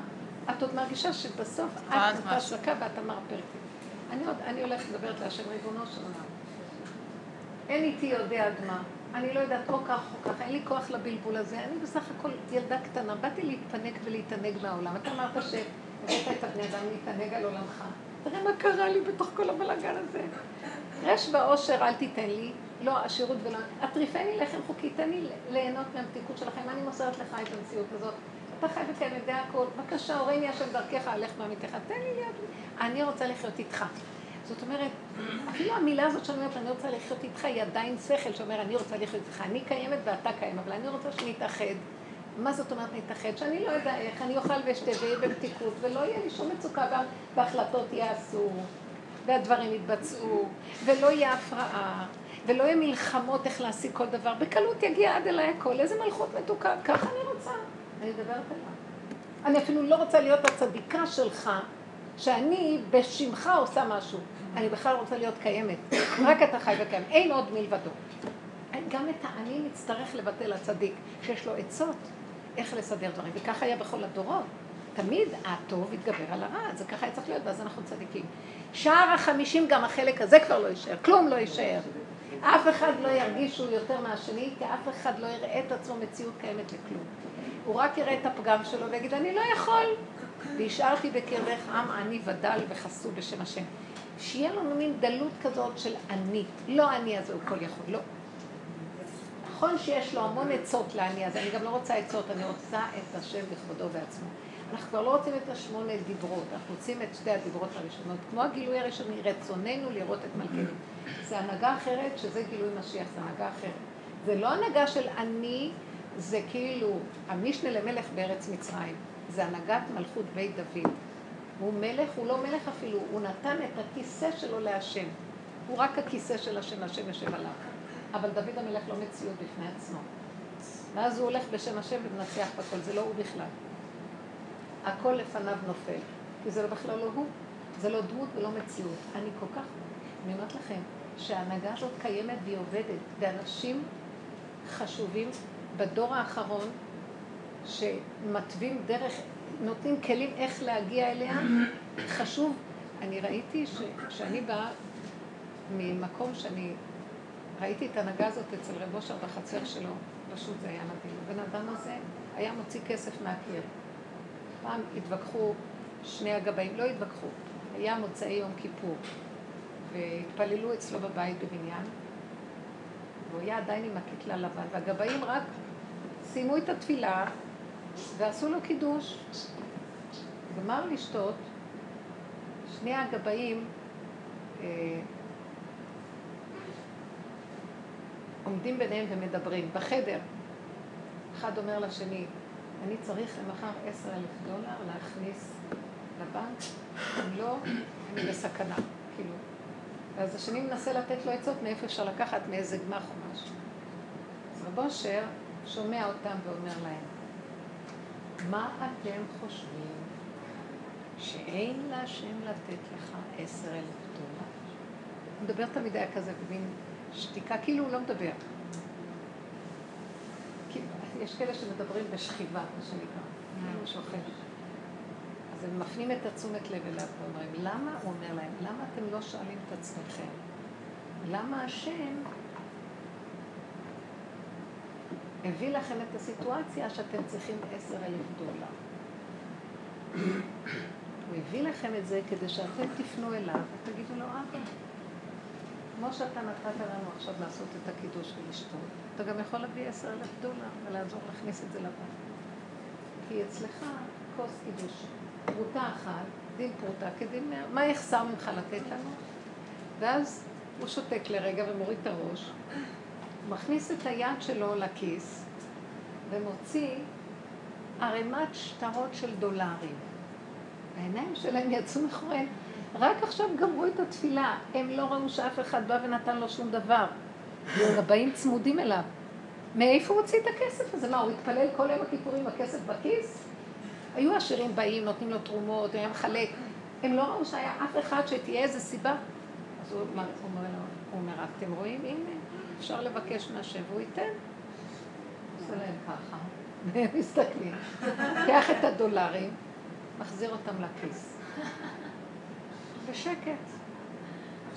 אחרי שהם הורידו לו את הקיטל, הם רצו לכיס ולא מצאו שום דבר. עכשיו גבאי סיפר לי את זה, הוא אמר לי, אני במו עיניי ראיתי ולא אחר. אז בא, כאילו היה לו, וסיפורים מדהימים היו לו. אה, רק רגע, פעם היה אה, יוסי די, הוא היה אחד מהאנשים שלו, שרב אושר אמר לו, בא להגיד לו איזה בעיה שיש לו, אז הוא אמר לו, אתה רואה, יש שם איזה שדה, לך לשם, תתפלל להשם, תצעק, תבקש רחמים. אז הוא הלך לשם, מצא איזה אבן, התיישב עליה, ופתאום הוא חושב, אין לי חשק לצעוק. לא. אין לי חשק לצעוק, לא רוצה לצעוק. טוב, עבר יום, יומיים, הוא בא, נכנס לאושר. כשהוא נכנס לרב אושר, אז רב אושר אומר לו, כשהולכים לפלד, לשדה, אז צועקים להשם. רב אושר, איך ידעת שלא צעקתי? אז הוא אומר לו, כי אני והשם כך. עכשיו תבינו מה הדבר הזה, הוא היה ענב, הוא היה מבוטל. מה, מה זה זה דבר שאי אפשר להבין. הישות של האדם מפריעה לנו לחיות את מציאות השם. אם היינו חיים במקום של הביטול, כל החושים שלנו הופכים להיות אלוקים. את רואה דברים אחרים בבני אדם, מה שאנחנו, אותו אוויר, אני רואה, הוא רואה משהו אחר, את לא רואה כלום. שומע משהו אחר. החושים הופכים להיות אלוקיים. זאת אומרת, מה מפריע לחושים שיש לנו היום לחיות ולראות את האור הגנוז שנגנז כביכול? לא? המוח, המוח, תעזבו חומר, המוח. החומר הזה נוצר כתוצאה מהמוח, אנחנו אוכלים הרבה יותר ממה שאנחנו צריכים. אנחנו משתמשים בחומר יותר מדי, זה לא בגלל זה, זה חומר, בגלל שהמוח גורם לנו, צורת החשיבה גורמת לחומריות הזאת. מסכנות, עליבות, כעס, רוגז, המידות מוחצנות החוצה. אז הוא היה אומר, אם תיקחו את המידות ותפנימו ותתאפקו, זה ממית את הכוח הזה, זה מקטין אותו. המידות נשארות במינימום שהם נולדו איתו, שם נמצא אור הגנוז. נמצא שהאור הגנוז זה לא שם שכובשים, זה אחורה אחורה שמרוקנים. תתרוקנו, תראו שתראו הכל, תדעו. השם נמצא בכל מקום, ואתם תראו כל דבר מפה. מה זה האור הגנוז? שהיה עולם פתוח לפניו מתחילתו ועד סופו של אדם הראשון, שהוא השתמש באור הגנוז. הכל היה גלוי לפניו. אז למה שאנחנו לא נוכל לחזור למקום הזה? אבל אנחנו צריכים לעשות איזו עבודה קודמת כשיתחיל להתגלות. והמקום הזה של צמצום המוח, אז תנו לי להגיד לכם, זה התרגילים שרב אושר עבד עליהם. לא לתת למוח ממשות. כמו שעכשיו לעשות החלטה. ברגע שאת רואה את ההתלבטות, זה דרכו של הטבע. התלבטות, בלגן, סערה, טבע, לא רוצה. שבת, אני מחפשת שבת. שבת זה קו האמצע, זה לא יום של... 1, 2, 3, 4, 5, 6. שתי ההשכלות האלה. לא. למה הרבה שערות באות דווקא בשבת? כי לא הכנתי את עצמי בששת ימי השבוע לשבת. אם הייתי עובד ככה כל ששת ימי השבוע, אז הייתי טועה מה זה טעם של שבת. מה זה שבת? זה לא שאדם ייכנס, יבוא שבת, אם הוא לא הכין בערב שבת, איך הוא יאכל בשבת? מבינה? עכשיו זה הזמן להכין. מה הכוונה הכנה? תפיסת חיים. לא לתת לטבע. הגירוי תגובה. בא לך להגיב משהו. אני, מה זה, אני לא רוצה לספר על עצמי, אבל התרגילים האלה עוזרים לי. הלוא באופן טבעי אני מאוד, כולנו, אנשים אוהבות סדר וניקיון. זה עושה לנו משוודת, כי יש לנו תוהו ובוהו בפנים. אנחנו מבולבלות תוהו ובוהו. והתוהו ובוהו הזה, אנחנו לא יכולים לסבול אותו, אז אנחנו כל הזמן מסדרים, שיהיה סדר, וכל הזמן הופכים לנו עוד פעם סדר. ואני אומרת לעצמי בעבודה הזאת, תראי איך את נראית. הטבע לא יכול לסבול את המציאות של התוהו ובוהו. זה לא הטבע, המוח. אני, כשאני אומרת טבע, אני מדברת על המוח, כי הוא ראש הטבע. תראי, הוא ישר מסיר אותך. בואי נראה אותך שיהיה בלאגן. היו אצלי המון אורחים שבת, וילדים קטנים. ילדים קטנים מתוקים, אבל הילדים הקטנים, מה שאפשר הם מפרקים. אני לא יודעת איך הם עושים את הדבר. הם תוהו ובוהו מהלך על שתיים. הכיסא עומד בסדר, למה לשבור אותו? הזוויות של הקירות, תול, תולשים אותם, זה דברים מדהימים. אני בחיים מבוגר לא יכול לעשות כאלה דברים. וקטנים, זה מין כוחות ששולטים בהם. אז אני מוצאת את עצמי כל רגע רוצה להחזיר. ואחר כך אפילו יש לי איזה זווית שתשמע, שאמא שלך לא תראה איך אני מסתכלת עליך, אני עוד מעט, תראה מה אני אעשה לך אם תיגע במשהו. אבל מסכן, ואחר כך אני אומרת, הם ילדים קטנים, לא מבינים מה הם עושים. אמרתי לעצמי, את תעבדי על עצמך ולא על אף אחד. סגרי את המוח. הבית ההפקר שיעשו מה שהם רוצים. ואני צועקת עליו, אבא, תשמור לי על הבית. תשמור לי שאני לא אהיה זה ששומר במקומך. אתה בשנייה יכול לסדר הכל, להזיז להם את המוח ולסדר את הכל. אני לא יכולה להיות השוטר והשומר של העולם. אני רוצה להיות ילד קטן שמתענג על החיים בלי להרוס ולהחריב. תרחם עליי ותעזור לי, אני מחפשת אותך. אני רוצה להיות איתך, נמאס לי להיות במקומך. נמאס לי מהרצינות והאחריות והחשיבות שהגברים ילכו לשם, לא, לא משם תבוא הישועה. גם, אני רוצה להגיד לכם שבגלל שאנשים לקחו את המקום של הגברים בדור הזה, כי יש מה שנקרא אור הלבנה מנסה לקבל מקום כאור החמה, והיה אור הלבנה כאור החמה. אז כאילו מה שאנחנו עושים, אנחנו דוחקים את הגברים והולכים למקום שלהם. קצת לקבל קצת גנים גבריים גם כן, ככלות הכל. אבל אנחנו לא מבינים שזה בדיוק התהליך הלא נכון. נכון שאור החמה כאור הלבנה, אבל אור החמה הוא תמיד יישאר אור החמה. יש לו אור מכיוון אחר, הוא יתגדל אבל ממקום אחר. ההתגדלות שלנו לא באה מזה שנדחוף את הגברים ונהיה במקומם, כי אז מה שקורה זה שהגברים נהיים כמו נשים. כי הם באיזשהו מקום נופלים ממקום של רפיון, כי את לוקחת מדי אחריות, מדי רצינות, מדי חשיבות. את מפגינה כוח, ובאיזשהו מקום זה מחליש את המקום שלהם, ואין להם לאן ללכת. אז הם ילכו לכיוון שלך, זה כאילו החלפת מקומות, וזה לא המטרה. כי כתוב, והיה אור הלבנה כאור החמה, ואור החמה שבעתיים. משמע שאם אור החמה לא נהיה שבעתיים, מה שאנחנו לא רואים, כי אין הנהגה גברית נורמלית, סליחה, אז הלבנה לא משתמשת נכון באור שלה, אז אני צריכה עכשיו לעשות תשובה. מה לא בסדר? כי אני לא עובדת נכון. אור הלבנה יקום, אבל התקומה שלו תבוא ממקום אחר. לא מהכוח העליון שיורד, אלא מכוח הצומח, מלמטה למעלה. אצל הגברים זה מלמעלה למטה. זה כיוון אחר. לכן המוח שלנו לא פועל, לא צריך לפעול כמו הגברים. אנחנו צריכים להשתיק את אותו כוח, והחושים למטה יפעלו והם יהיו חושים אלוקיים. זה כוח הנבואה, שהוא שייך יותר בצד של הנשים. המקום הזה הוא מדהים, הוא מתאים לכל כבודה בת מלך פנימה, כבוד אלוקים, אסתר דבר, הצנע לכת עם השם אלוקיך. זה כוח פנימי של עבודה, זה לא החיצוניות, לענות, להזיז, להראות להם מי אני, אני לא פראיירית, לא, בכלל לא.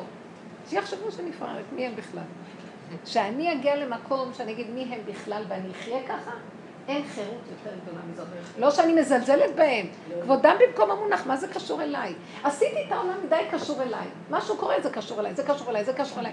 קשרתי יותר מדי את הדברים אליי. סליחה, אני מגיעה למקום שאני שואלת על הילדים, אני אומרת, מה הם קשורים אליי? מה לי ולהם? זה שאימא אומרת על הילדים שלה. אני יודעת מה אני אומרת.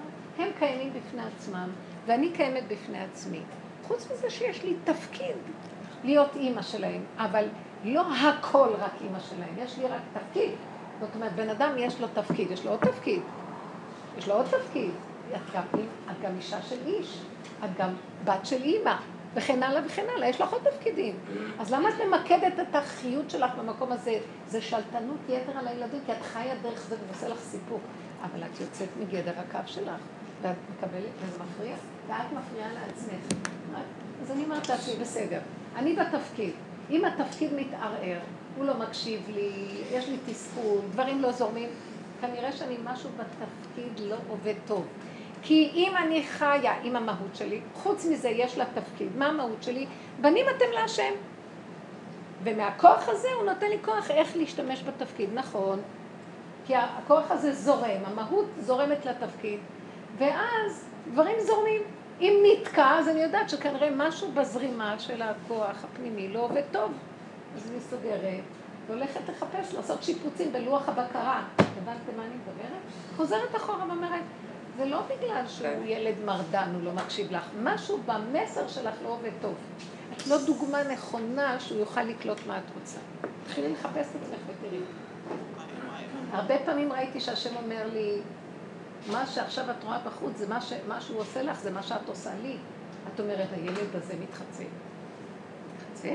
גם את התחצת. גם את עושה, שאני ההורה שלך ואת מחפפת אותי לגמרי, אני לא קיים. אתם עושים מה שאתם רוצים. אתם אומרים השם, השם, השם, אבל אתם בכלל לא... רגע אחד נותנים מקום להמליך אותי עליכם ולתת לי מקום להתגלות. איך אני יודעת שאני מגלה אותו? וזה יהיה לכם הכלל הנקוט. שלא יהיה אכפת לכם מה תהיה התוצאה. זה סימן שהמלכת את השם. כי אם הוא קיים, שיעשה מה שהוא רוצה. אני רק צינור שלו. שימו לב כמה אכפת לנו מכל דבר. ככה ולא ככה, לא, לא, לא, לא. לא. ואם יהיה אכפת לי ממשהו, אני ארגיש שזה בשליחותו יתברך, אבל זה לא יהיה אישי שלי. תבינו את הדבר הזה ותבחינו פה. זה דקויות מאוד גדולות בעבודת המידות. כי עיקר עבודתה של האישה זה עבודת המידות. דעו לכם שאם נדייק במידות, גם התורה תראה אחרת. כי כל התורה יושבת על המידות. ואם אין דיוק במידות, עבודת הנשים היא לא נכונה, גם הדיוק בתורה הוא לא נכון. גם היום הרבה דברים נעלמים ויש המון חיכוכים, ויכוחים, ואין בהירות. כל אחד שובר לשיטתו ככה ככה ויש בלבול גדול. זה בגלל שאנחנו לא מדויקות במידות. וזה עבודתנו. אומר הגאון מווילנה, אם אין לי מידות, למה לי תורה?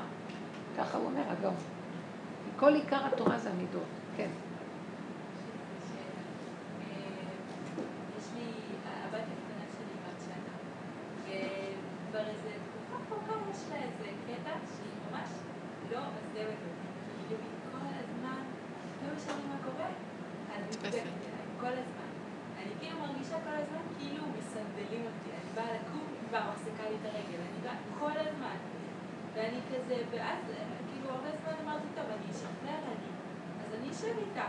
אולי אני אהיה איתה, אני אהיה איתה, אני אהיה איתה, בסוף היא מבאס להפסיק תעזוב אותי. אז גם כשאני יושבת לידה, היא גם לא עוזבת אותי. כאילו, היא לא נותנת לי לשבת לידה, נגיד, לקרוא. היא באה, דופקת עליי צעצועים, מטפסת עליי, כאילו לא... ואז אתמול ישבתי ככה עם בעלי ודיברתי עם זה, ואמר, אולי תשאלי את הרבנית מה... משתלטת עלייך. אני מנסה להבין מה... מה העבודה שלי שם, מה אני צריכה... כי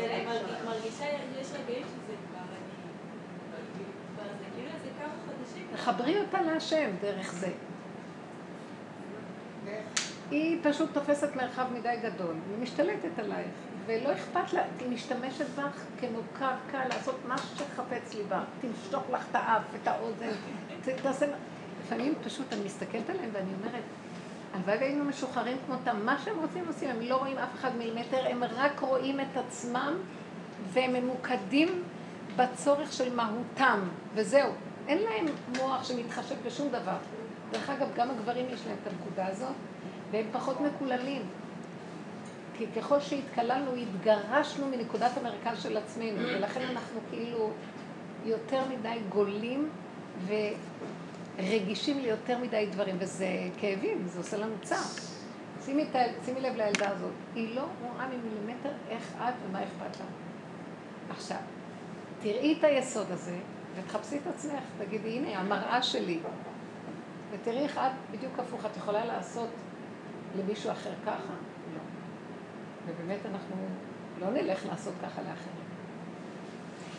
אבל תביני שיש לנו מוח, ממנה תקחי את העיקרון ותראי שהמוח שלנו הוא מחשבן יותר מדי חשבונות. היא לא דופקת חשבון לכלום. ושלנו הוא מחשבן בלי סוף חשבונות. והפער בינה לבינך זה עבודתך. תגידי, "ת- לפחות תלמדי ממנה איזה משהו ביסוד. היא כל כך חופשייה, מה הכיף שלה. אם את היית חיה עם בורא עולם ככה, היית הולכת בעולם ככה, והוא היה פותח לך מה שאת רוצה. ואף אחד לא היה נפגע גם ממך. אבל אנחנו לא קשורים איתו. אם היינו ילדים קטנים, את כאילו האלוקים שלנו, נכון? והיא הילדה של השם. וככה את צריכה לעבוד מול השם, שמת לב? אני כל הזמן רואה, אני כל הזמן רואה את האנלוגיה הזאת חוזרת. הילדים מראים לי, אני לפני השם. היא לפני אמא שלה, אמא שלה זה האלוקים שלה. היא עושה מה שהיא רוצה. והיא תגיד, השם, אסור ככה להגיד להשם, אסור למשוך לו בזקן. אסור, לא, בא לו מה שרוצה עושה. איך השם אוהב אותה, איך אבא שלה אוהב אותה, משתעשע איתה. הלוואי והיינו חיים ככה על השם. לא, אבל אנחנו עם האגו של האני, יפה, אסור, נאכל אותה. אלפיים, שלושת אלפים חמש מאות שנה אנחנו עם האגו החיובי, ועכשיו סוף הדורות. אנחנו רוצים להיות ילדים קטנים של השם. אני לא מדברת שנלך מול העולם ככה, מול השם. מה שאת רוצה הוא ייתן לך. אם היינו באמת דבקים בו באמונה תמימה, מה שתרצי הוא יביא לך. ולא תתביישי גם להגיד לו מה כואב לך, ושזה לא יפה שהוא לא נותן לך כך וכך. ולמה את הבאת אותי לעולם בחסר זה וזה, אז בשביל מה נתת לי צורך כזה ואתה לא נותן לי את הצורך שלי? אם אדם באמת עובד הרבה, אז הוא רואה שהוא נשאר בסוף עם ניקיון של צרכים מסוימים, שזה מוכח המציאות. הוא נולד עם צרכים ודחפים מסוימים, שאי אפשר שהוא לא יקבל אותם, ברור שייתנו לו. אנחנו מלאים בשקרים, בחשבונות רבים, ואין לנו... ואנחנו מתביישים לבוא בטענה להשם, כי באמת, אנחנו מלוכלכים מהרבה דברים. ככל שאדם בודק את עצמו ומצמצם ורואה, וזה בסוף מתחיל להיות יותר בהפנמה ויותר מדויק.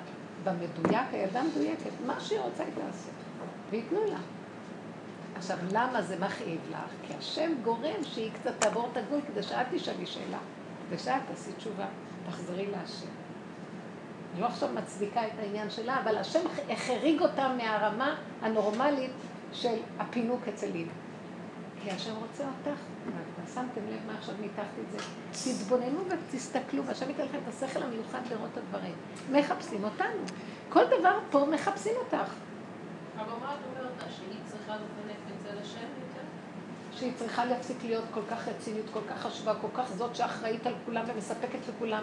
תגידי לו, אבא, הנה הילדים שלך, תספק להם. אני גם ילדה קטנה רוצה להתענג עם כולם. אם היינו ילדים קטנים של השם אוכלים, שותים, שמחים, לחיים אדומות, הוא היה, כל החמאס היה מיד נופל, הערבים היו משתחווים. אנחנו יותר מדי גדולים ועושים דין עמוק, כאילו אנחנו ננהל את העולם. התשובה הכי גדולה תהיה זה שגדלו, כתוב בפסוקים בכל ישעיה, תסתכלו א', ב', ג', כל ספר ישעיה מתחילתו ועד סופו, בפסוקים שזורים בכל המקומות. ושך גדלות האדם וגבות הנשים תיפול, והגר בלבנון ייפול, והשם יגדע את רמי הקומה. להושיב אותה, לצאת החוצה למה, ולהגיד לה שם, תטפל ברגע, תתקה קצת.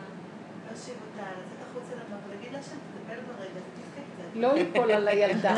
לא לחנך את הילדה ולכעוס עליה לפני שעשית עבודה כזאת. כי תחזור ותעשה את זה שוב. זה נקרא אילוף, זה לא חינוך. חינוך זה שאת נוגעת באותה נקודה קודם כל בעצמך, ואחר כך זה מוקרן החוצה. זה נקרא חינוך. לחנוך את הדבר זה להיכנס אליו ראשון. זה נקרא לחנוך. מה זה לחנוך? נכנסים, הם הראשונים שחונכים את הדבר.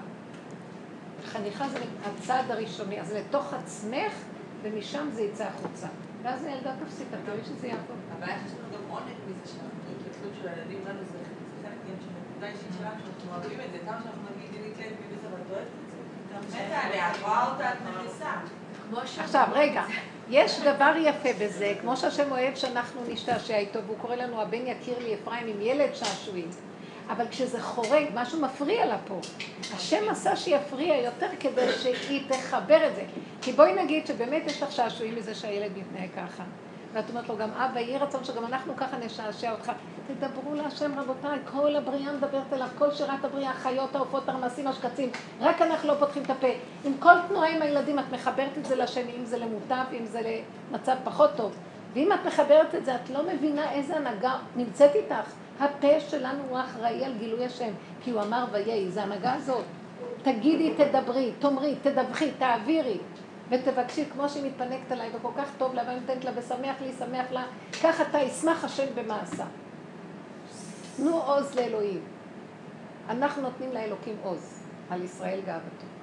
אנחנו כל הזמן בתהליך של הוא ואנחנו. שכחנו אותו ועשינו את עצמנו. יש השם בשמיים, תלינו אותו באיזה מקום, ויש אני אבל שמנהל את העולם. המשנה למלך בארץ מצרים, בגלל שעכשיו זה ארץ מצרים, זה גלות. לא, מזמן השם, אני מזמן יכולתי כבר להתגלות עליכם, ומספיק עם הגלות. אתם חושבים שהגלות זה פונקציה של בני אדם בבחירה. מזמן יכלה לבוא גאולה. עוד מימיו של יהושע בן לוי. למה שלא תבוא? עוד כל, כל דור, אברהם אבינו רצה להביא את הגאולה לעולם. מה קרה לכם? כל גדול בעולם, אדם הראשון רצה להביא גאולה לעולם. כל אדם בעולם, כל דור והעניין שלו, מראשית הדורות, לא מצליחים. זה הנקודה של כל אחד, אבל עכשיו זה הזמן. כי יש לנו במסורה קבלה, שששת אלפים שנה התוכנית הזאת עומדת. עכשיו זה הסוף שלה, ועכשיו יש פתח בשער לפתוח את הכל. הם היו בראשית הדורות. שיכלו בראשית הדורות להביא.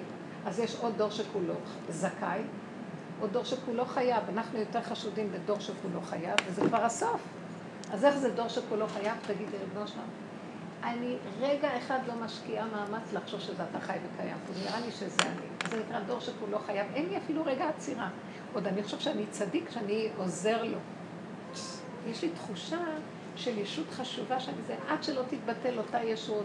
איך היא תתבטל? שתראי את הכלום שלך. עכשיו תראי כמה את חושבת שאת ואת ואת ואת. נכון, זה חיובי, זה צדיק, זה הכל, אבל גם זה לא נוריד. להוריד את הצדקות זה העבודה הכי קשה של הדור האחרון. אליהו הנביא יבוא להחזיר את הצדיקים בתשובה. להגיד להם איך להוריד את הצדקות מהתדמית של עצמם, שלא יחשבו את עצמם למציאות של יש חשבה, למרות שהם כן צדיקים, זה לא סותר.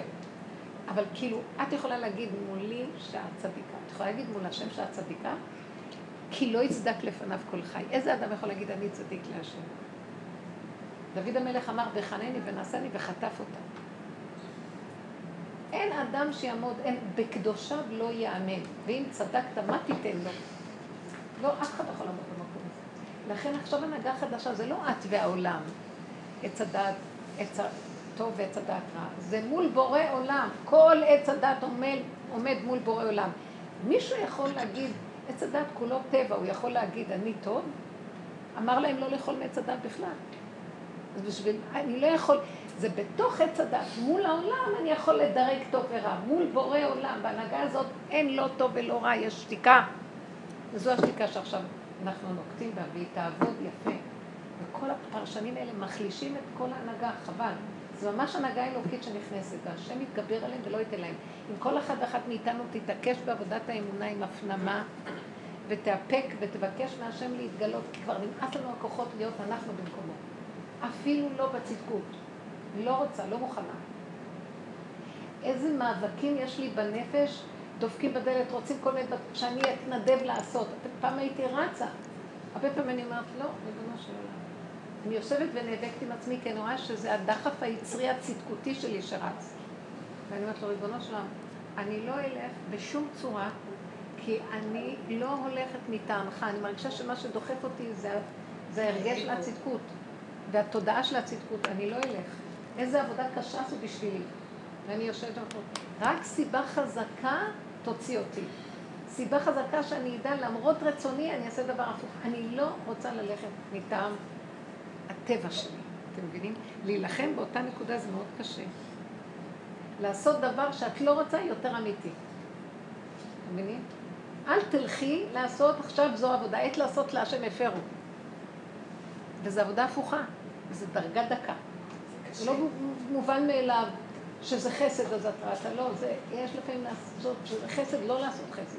כי הטבע עושה את החסד, ועכשיו אני רוצה שאתה תתגלה. אז ריבונו שלם, אני תמיד אגנוב. אני לא רוצה ללכת ברמה הזאת. וצריך בשביל זה איזה מין אה, מקום של חוזק ואמונה שעכשיו מתהפכת העבודה. זה לא עת לעשות לטוב שבטבע, אלא עת לעשות להשם. הפרו תורתך, לא את התורה, את, את ההרגל שהתנהגנו בתורה, את תפיסת החיים שהתנהגנו בתורה של הגלות. חיוביות. לא הולכים לחיוביות, זה שקר החיוביות. השמאלנים הם מאוד חיוביים, והם שקרנים על ימין ועל שמאל. וחושבים שהם, וגם הימנים שקרנים. כי זה טבע, זה טבע וזה טבע. אני לא רוצה לא הנהגה הזאת ולא הנהגה הזאת, הנהגה אלוקית. והנהגה אלוקית זה סימנו, לא ברעש השם. לא ברעש השם. כל דממה דקה. אתה לא רץ. אתה אומר לא יותר טוב, כי כשאומרים לא, יכול להיות הגילוי של השם. ושב ואל תעשה אביב. זה הבחינה של שבת. זו תפיסה חדשה של דעת מסוג אחר, וצריכים להתאמן בה, כי הטבע, אבל אנשים עייפים, שמתם לב, ואני ממש מרגישה איך שהוא עובד להשתפר שמאלה. לאט לאט נחלש העולם, גם אנשים עכשיו חלשים יותר, ירדה מין תשישות לעולם, והרבה אנשים מרגישים, אין להם כוח עם החוזק הזה. ויש תשישות, שהיא לא מוסברת, כדי שיותר בקלות נוכל להגיד לו, לכן המובהק שהיינו פעם אומרים. איך אנחנו עוטפים את הילדים ושומרים ומחוס... יותר מדי אנחנו גדולים. לא נותנים להם לחוות את החיים באמת השם. בייחוד בעולם הדעתני שכל כך מפחד שמא יהיה לילדים איזה קשר עם משהו שלא נראה או... נכון. חוססים עליהם, ועוד צער, או שלא ייחשפו לכל מיני דברים, בסוף הם...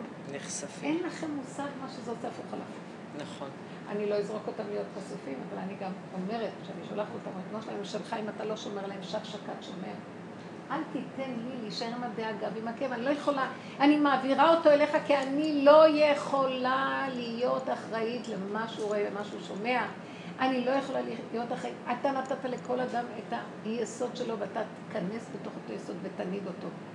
אני בתור אימא שיש לה תפקיד, אני רוצה למסור אותו אליך, במקום שהוא יהיה קשור אליי, שיהיה קשור אליך. אני מוסרת לך, התפקיד שלי לחנך אותו אליך, לא לחנך אותו. שכחנו את האליך. לחנך אותו אליך, לחבר אותו אליך. מחברת אותו אליי. אני מחנכת אותו כמו שאני רוצה שהוא יתחנך. לא, אליך. וכך היה בכל הדורות, בתואנה שאני יודעת איך לחנך. אבל היום הוא יאבד עצה ותושייה לכולנו, ואנחנו רק נישא את עינינו אליו ונבקש מה. אני רציתי לחזור לנקודה שאמרת, לסגור.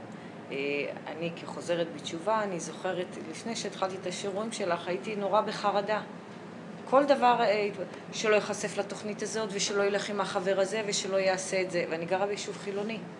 אני ועוד משפחה אחת של אה, משפחה דת, דתית. ואז באמת, כאילו, הדרך הזאת הביאה אותי לנקודה ששחררתי עם תפילה להשם. אני לא, אין בהפקרות, אבל בגבול מסוים, איזון. באיזון. וגם הגעתי לאיזושהי נקודה שאני אומרת, רק רגע, ואני בעצמי חוזרת בתשובה.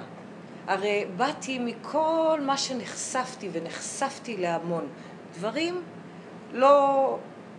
והשם הביא אותי וזיכה אותי שאני כאן מאסתי בכל, ה, בכל ההפקרות ובכל המקומות שהייתי. אז מאיפה אני יודעת איזה תהליך הבן שלי אה, או הבת שלי צריכים לעבור? את, מבינה מה אני מתכוונת? זאת אומרת, שחררתי את הנקודה הזאת שאני בבעלות עליהם בכל רגע נתון, אם הוא יראה את זה עם הטלפון הזה, או את המשחק הזה, או כל דבר שיהיה. אני מבקשת שאבא, הם לא יצטרכו לעבור את המהלך שאני עברתי. בבקשה. אבל אני לא יכול, אני כל הזמן מקשרת בתפילות ובקשות, אבל אני לא אלך להיות, צריך איזון. כן חרדה, חרדתיות כן. היא לא חרד לדבר השם. קהל החרדים נקרא על שם, שם ספר החרדים של הרב אזכרי. יש, יש קהל היראים ויש קהל החרדים. יש, כן, באנגליה למשל יש קהל היראים. וזה על, על שם שני ספרים, ספר היראים, ספר החרדים. ספר החרדים של הרב אזכרי שהיה מדורו של האריזל בצפת. אז הוא הוציא ספר שהוא מחבר את כל המצוות לפי העברים, כך שאין עבר שרגע אחד הוא לא קשור במצווה להשם. כל כולו קודש להשם. על שם זה הוא נקרא ספר החרדים. והקהל החרדים לקחו, החליטו שזה יהיה השם של הקהל שלהם. עכשיו, מה הכוונה? שכל מציאות, מציאותי תשרת את השם. כשאנחנו לקחנו את השם הזה, ככה זה היה צריך להיות. כשאנחנו הופכים להיות חרדים, במקום חרד לדבר השם, חרד למציאות קשר עם השם בעולם הזה אליו, מה אני עושה? אני הולך ומנסה לשמור את עצמי מול העולם, ואני חרד כל היום מול העולם, בלי קשר להשם. רבותיי, נגזר עלינו מיטות משונות ככה, מה? איך אפשר? ולמה שהילדים לא יתפרקו ויסתובבו ויעשו רוצים? אני בעצם חושף אותם למקום מאוד מאוד קשה, כי אני לא מחובר לשורש של הנקודה הראשונית האמיתית. לכן עליי לעבוד על המקום של החיבור העצמי, ולהגיד, נתת לי תפקיד של אימא. אם אני אצטרך כל היום לראות אחרים זה תפקיד קשה, ולא לזה התכוונת. אתה רוצה דרך התפקיד הזה להיכנס נתניהו. בוא נגיד המנהיג של עם ישראל, להבדיל, בוא נגיד דוד, מלכות בית דוד. הוא מקשר את המלכות שלו להשם, והשם הולך בעם. והוא יעשה לו את המלחמות והוא ינצח. היה מקום, יש מקום ב... בשמואל ב' אני חושבת שכתוב שהשם אמר לדוד לצאת למלחמה על פלישתים, נתן לו הוראה. אבל הוא אמר לו, אתה לא תצא להתקיף עד שאני לא אתן לך סימן ואות. ומה יהיה האות? כשתראה שהעצים, הצמרות של העצים מרעישות חזק, תדע שזה האות להתקיף את האויב. אז הם יצאו למלחמה, עבר חודש, חודשיים, שלוש, הם יושבים במחנה, כבר עברו כמה חודשים, ודוד המלך לא מוצא סיבה להתחיל את ההתקפה. חוץ מזה שמחנה פלישתים הולך ומתקרב, הם כבר התחילו לשמוע מהצד סמוך מאוד שהם כבר קרובים אליהם מאוד. אז הם כאילו מאבדים את כושר הרתיעה, איך קוראים לזה? כושר הרתעה. אז הם אמרו לדוד, אנחנו לא יכולים גם כל כך הרבה זמן לעזוב את הכרמים והשדות, ואנחנו חוזרים הביתה, לא יכולים להישאר פה. אז הוא אומר, מה אני אעשה? אני לא יכול לעשות את מה שהשם לא אמר לי, ואני לא יכול לתת הוראה להתקיף. והוא מתאפק ומתאפק ומתאפק, ומתחילים לעזוב אותו. חיילים עוזבים אותו, הולכים בחזרה ועוזבים אותו. וכתוב, ויתחזק דוד באלוקיו. אומר ריבונו שלם, אני לא יכול לזוז כי אתה אמרת לי, ואני לא יכול להתחשב בשום דעת קהל, כי יש לי הוראה מפורשת. עד שממש הפלישתים הגיעו כל כך כל כך קרוב, ורוב החיילים עזבו אותו, ודוד פשוט בחנו אותו ביסוד האמונה. זה רגעים הכי קשים בעולם. פתאום בבוקר צמרות העצים התחילו לנוע בצורה שהייתה ברורה, מוחשית ביותר, שזה הזמן והאות להתקיף. וככה הוא התקיף את האויב, וכל מחנה פלישתים נשדד ופשוט נפל תחתיו. הם חשבו שרודפים אחריהם מאות ואלפים של חיילים, והם עזבו את הכל וברחו. אז תבינו את ישועת השם כרף, אבל צריך לתת את המקום הזה של האחרים. ואילו הכוח של הטבע והמוח, במיוחד איך הוא משכנע את האדם ומבהיל אותו, כל החרדתיות שיש לנו היום, זה פשוט השתוללות של עץ הדעת, טוב ורע. המוח שלנו שולט בנו בצורה נוראית. דמיונות, שערות של רגש, נורא ואיום, ומאמינים לזה, ונותנים לזה, והכל פתוח. אנחנו מדברים על הנושא הזה של ה... רק שנייה, שנייה, כן? יודעת אם זה בנושא הזה של החינוך, אז איפה המקום שלנו בלהנחות את הילדים? ההנחיה, אז אני רוצה להגיד משהו בהקשר הזה. שבוע שעבר אמרתי, תגידי לו לפנות לשם, לפנות לשם. אז השבוע באמת היה לי כמה פעמים כאילו שהוא שיגע אותי, לא יודע, ואז אמרתי לו, אז די, תתפלל לשם שיושיע אותך. אז כאילו כמה פעמים כזה אמרתי לו, אז תתפלל לשם שיוציא ממך את ה... כאילו כזה. ותלה בי עיני עגל, הוא לא הבין על מה אני מדברת בכלל. כאילו, כאילו זה מין דיבור חדש כזה, שאף כן, פעם לא הייתי נכון, אומרת זה דיבור קודם, חדש. והוא לא, בחיים לא אמרתי לו, כאילו, תמיד אני אומרת לו, טוב, בוא, נראה, נעשה, נעשה, תעוף ממני כבר, כאילו, יש לי כל מיני מגוון של תשובות, כאילו, משתנה. והפעם כאילו אמרתי לו, טוב, אז תתפלל השם. כאילו, אם השם לא יעזור לך, מי יעזור לך? רק הוא יכול. אז הוא פשוט, הסתכל עליי ככה, אמא, מה? כאילו, לא הבין מה אני מדברת איתו בכלל. מה קרה לך, השתגעת? זהו, כאילו, מה זה התשובה הזאת, אמא? על מה את מדברת? זהו, אני לא יודעת עדיין איך- זה ימשיך, אבל תראי, כאילו... ברור שזו התחלה. פתאום זה היה לו מאוד את- מוזר. אבל זה יפה שאת תתחילי ככה ותגידי לו, תשמע, אני שומעת אותך, אתה מנדנד לי, אתה חושב שיש לי תשובה, גם לי אין תשובה, אתה יודע מה אני אעשה? מתפללת להשם, השם, תן לי תשובה לתת לו. אחרי רגע אני אגיד לו, תשמע, צריך להמחיש לי ילדים. תשמע, כמו שאני, ראית אותי איך אני צועקת להשם, כי אני בתסכול, לא יודעת מה להגיד לך. אז גם אתה יכול לעשות את זה, אתה יודע שאתה יכול לדבר עם השם? לקחו לך את הצעצוע, אמרו לך, אתה כאוב, מישהו פגע בך, תגיד לו. דוד המלך היה מדבר את ליבו לפני השם, אתה לא יכול לעשות את זה, לך לך מקום שקט, דבר איתו, ותגיד ליד כולם מה יש. ככל שהוא ישמע את זה עוד פעם, עוד פעם, זה הופך להיות מציאות, והילדים נורא בקלות מבינים את זה. אנחנו גדלנו ככה, אנחנו פשוט. גדלנו ככה. לא ברור, זה ברור. בגלל שאנחנו כל הזמן אלה שעומדים בפני, בינינו, בינם לבין השם, אנחנו המתווכים, אז הם לא יכולים, הם לא יודעים הם אפשרויות אחרות. דורשים מאיתנו את הפתרונות. אז באיזשהו מקום, לא אכפת לי גם להיות המתווך, אבל אני רואה שאני מגיעה לתסכול והעומס מדי גדול, סימן שכנראה אני לא כל כך בתפקיד הזה טוב, בתיווך הזה. אז שילכו ישיר, מי צריך מתווך? המתווך הוא טוב אם הוא עובד. אם הוא לא עובד, לא... אז אה, שמים אותו הצידה, עוקפים אותו והולכים ישר. זאת עבודה, לאט לאט זה כן יכול. כן, אני יודעת, זה חמוד כאילו, פתאום. אבל רגע, היא שאלה כאן שאלה. השאלה שלי, איפה המקום שלי כאימא שמנחה את הילדים? נכון, אני לא, לא אגביל אותם פה, ואני לא אשמור, ואני לא. ארדוף אחריהם וכולי, אבל אני לא מנחה, שמתם לב מה ההנהגה היום, וההנהגה של העיגול. אני לא מנחה עד, ש... עד שלא נדרש ממני להנחות. שמתם לב מה קרה לנו? אנחנו הולכים לקורסים להורות. אני לא יכולה לסבול שום דבר מהמודעויות האלה. זה האנטיתזה של תמים תהיה עם השם אלוקיך, המצווה הכי פשוטה בתורה. סליחה, הגזמנו והשתגענו. עץ הדעת רחב. סליחה, מה אנחנו בקורסים הזה? להיות יזם, יוזמים, איך להורות להם, ואיך להדריך אותם, ואיך לא... אנחנו קמים מהבוקר חגורים בסינור, אנחנו. מוכנים, ששים אלי קרב, איך לטפל בכל ילדים, להראות להם, גם רוחני, גם רגשי, גם גשמי, גם פפה. פפה, פפה. מסכנה אימא, אימא זאת משוגעת. עוד יש להם עשרה כאלה, אחרי כמה זמן היא כולם מתמוטטת, ואז היא צורחת על זה, תולשת לזה את האוזן, מחקה איזה סטירה, זורקת את ההוא מעליה. תגידו לי, זה הלוא זה- זה יומרנות נוראית של וייתם כאלוקים. והיא לא עושה את זה בכוונה, כי זה הטעיה נוראית מה שיש בעולם. שקט. ראית מה ההנהגה עכשיו? הם יורים, אנחנו נגיב. הילד בא, שואל משהו, תנסי. את רואה שזה הופך להיות קשה, ותמיד, כשכבר משהו לא הולך, השם קורא לנו. אם הולך בטבע, הולך. הולך בטבע, תגידי תודה, אבל יותר טוב שלא ילך. לשיטתי יותר טוב שילך, כי אז מתגלה האפשרות השנייה. עכשיו, כשלא הולך, והיום זה דור שלא הולך. אז אנשים עצבנים, כי אין להם אפשרות אחרת, כי הם יודעים רק מה שרגיל.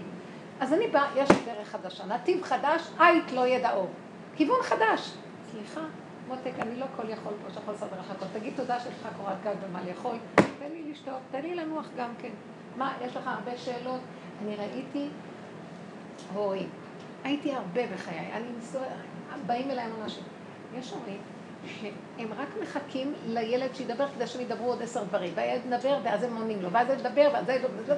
פטפטת ודבר, פשוט הוא עשה לילד חור בראש, והילד מתחיל להתרגל שאין מילה שהוא ידבר ולא יהיה איזה תגובה, ואין איזה משהו שירצה ולא מישהו יבוא לקראתו במשהו.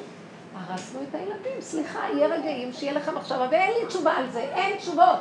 אני שואלת את אליעזר, זה וזה, וזה, אני לא יודע, לא יודע, ואני יודעת שיש לו רוח הקודש. הוא לא יודע, הוא בא ללמד אותי, למד לשונך לומר איני יודע. כי בלא יודע מתגלה משהו חדש. איפה שאנחנו לא, הוא כן. אנחנו לא נותנים להנהגה הזאת לבוא בכלל, כי כל הזמן יודעים ויודעים ויודעים ויודעים. סותמים ומלמדים אותה. את הילדים ונותנים להם כל כך הרבה אינפורמציות וכמה תוכניות וכמה... הם מטומטמים מרוב ידע.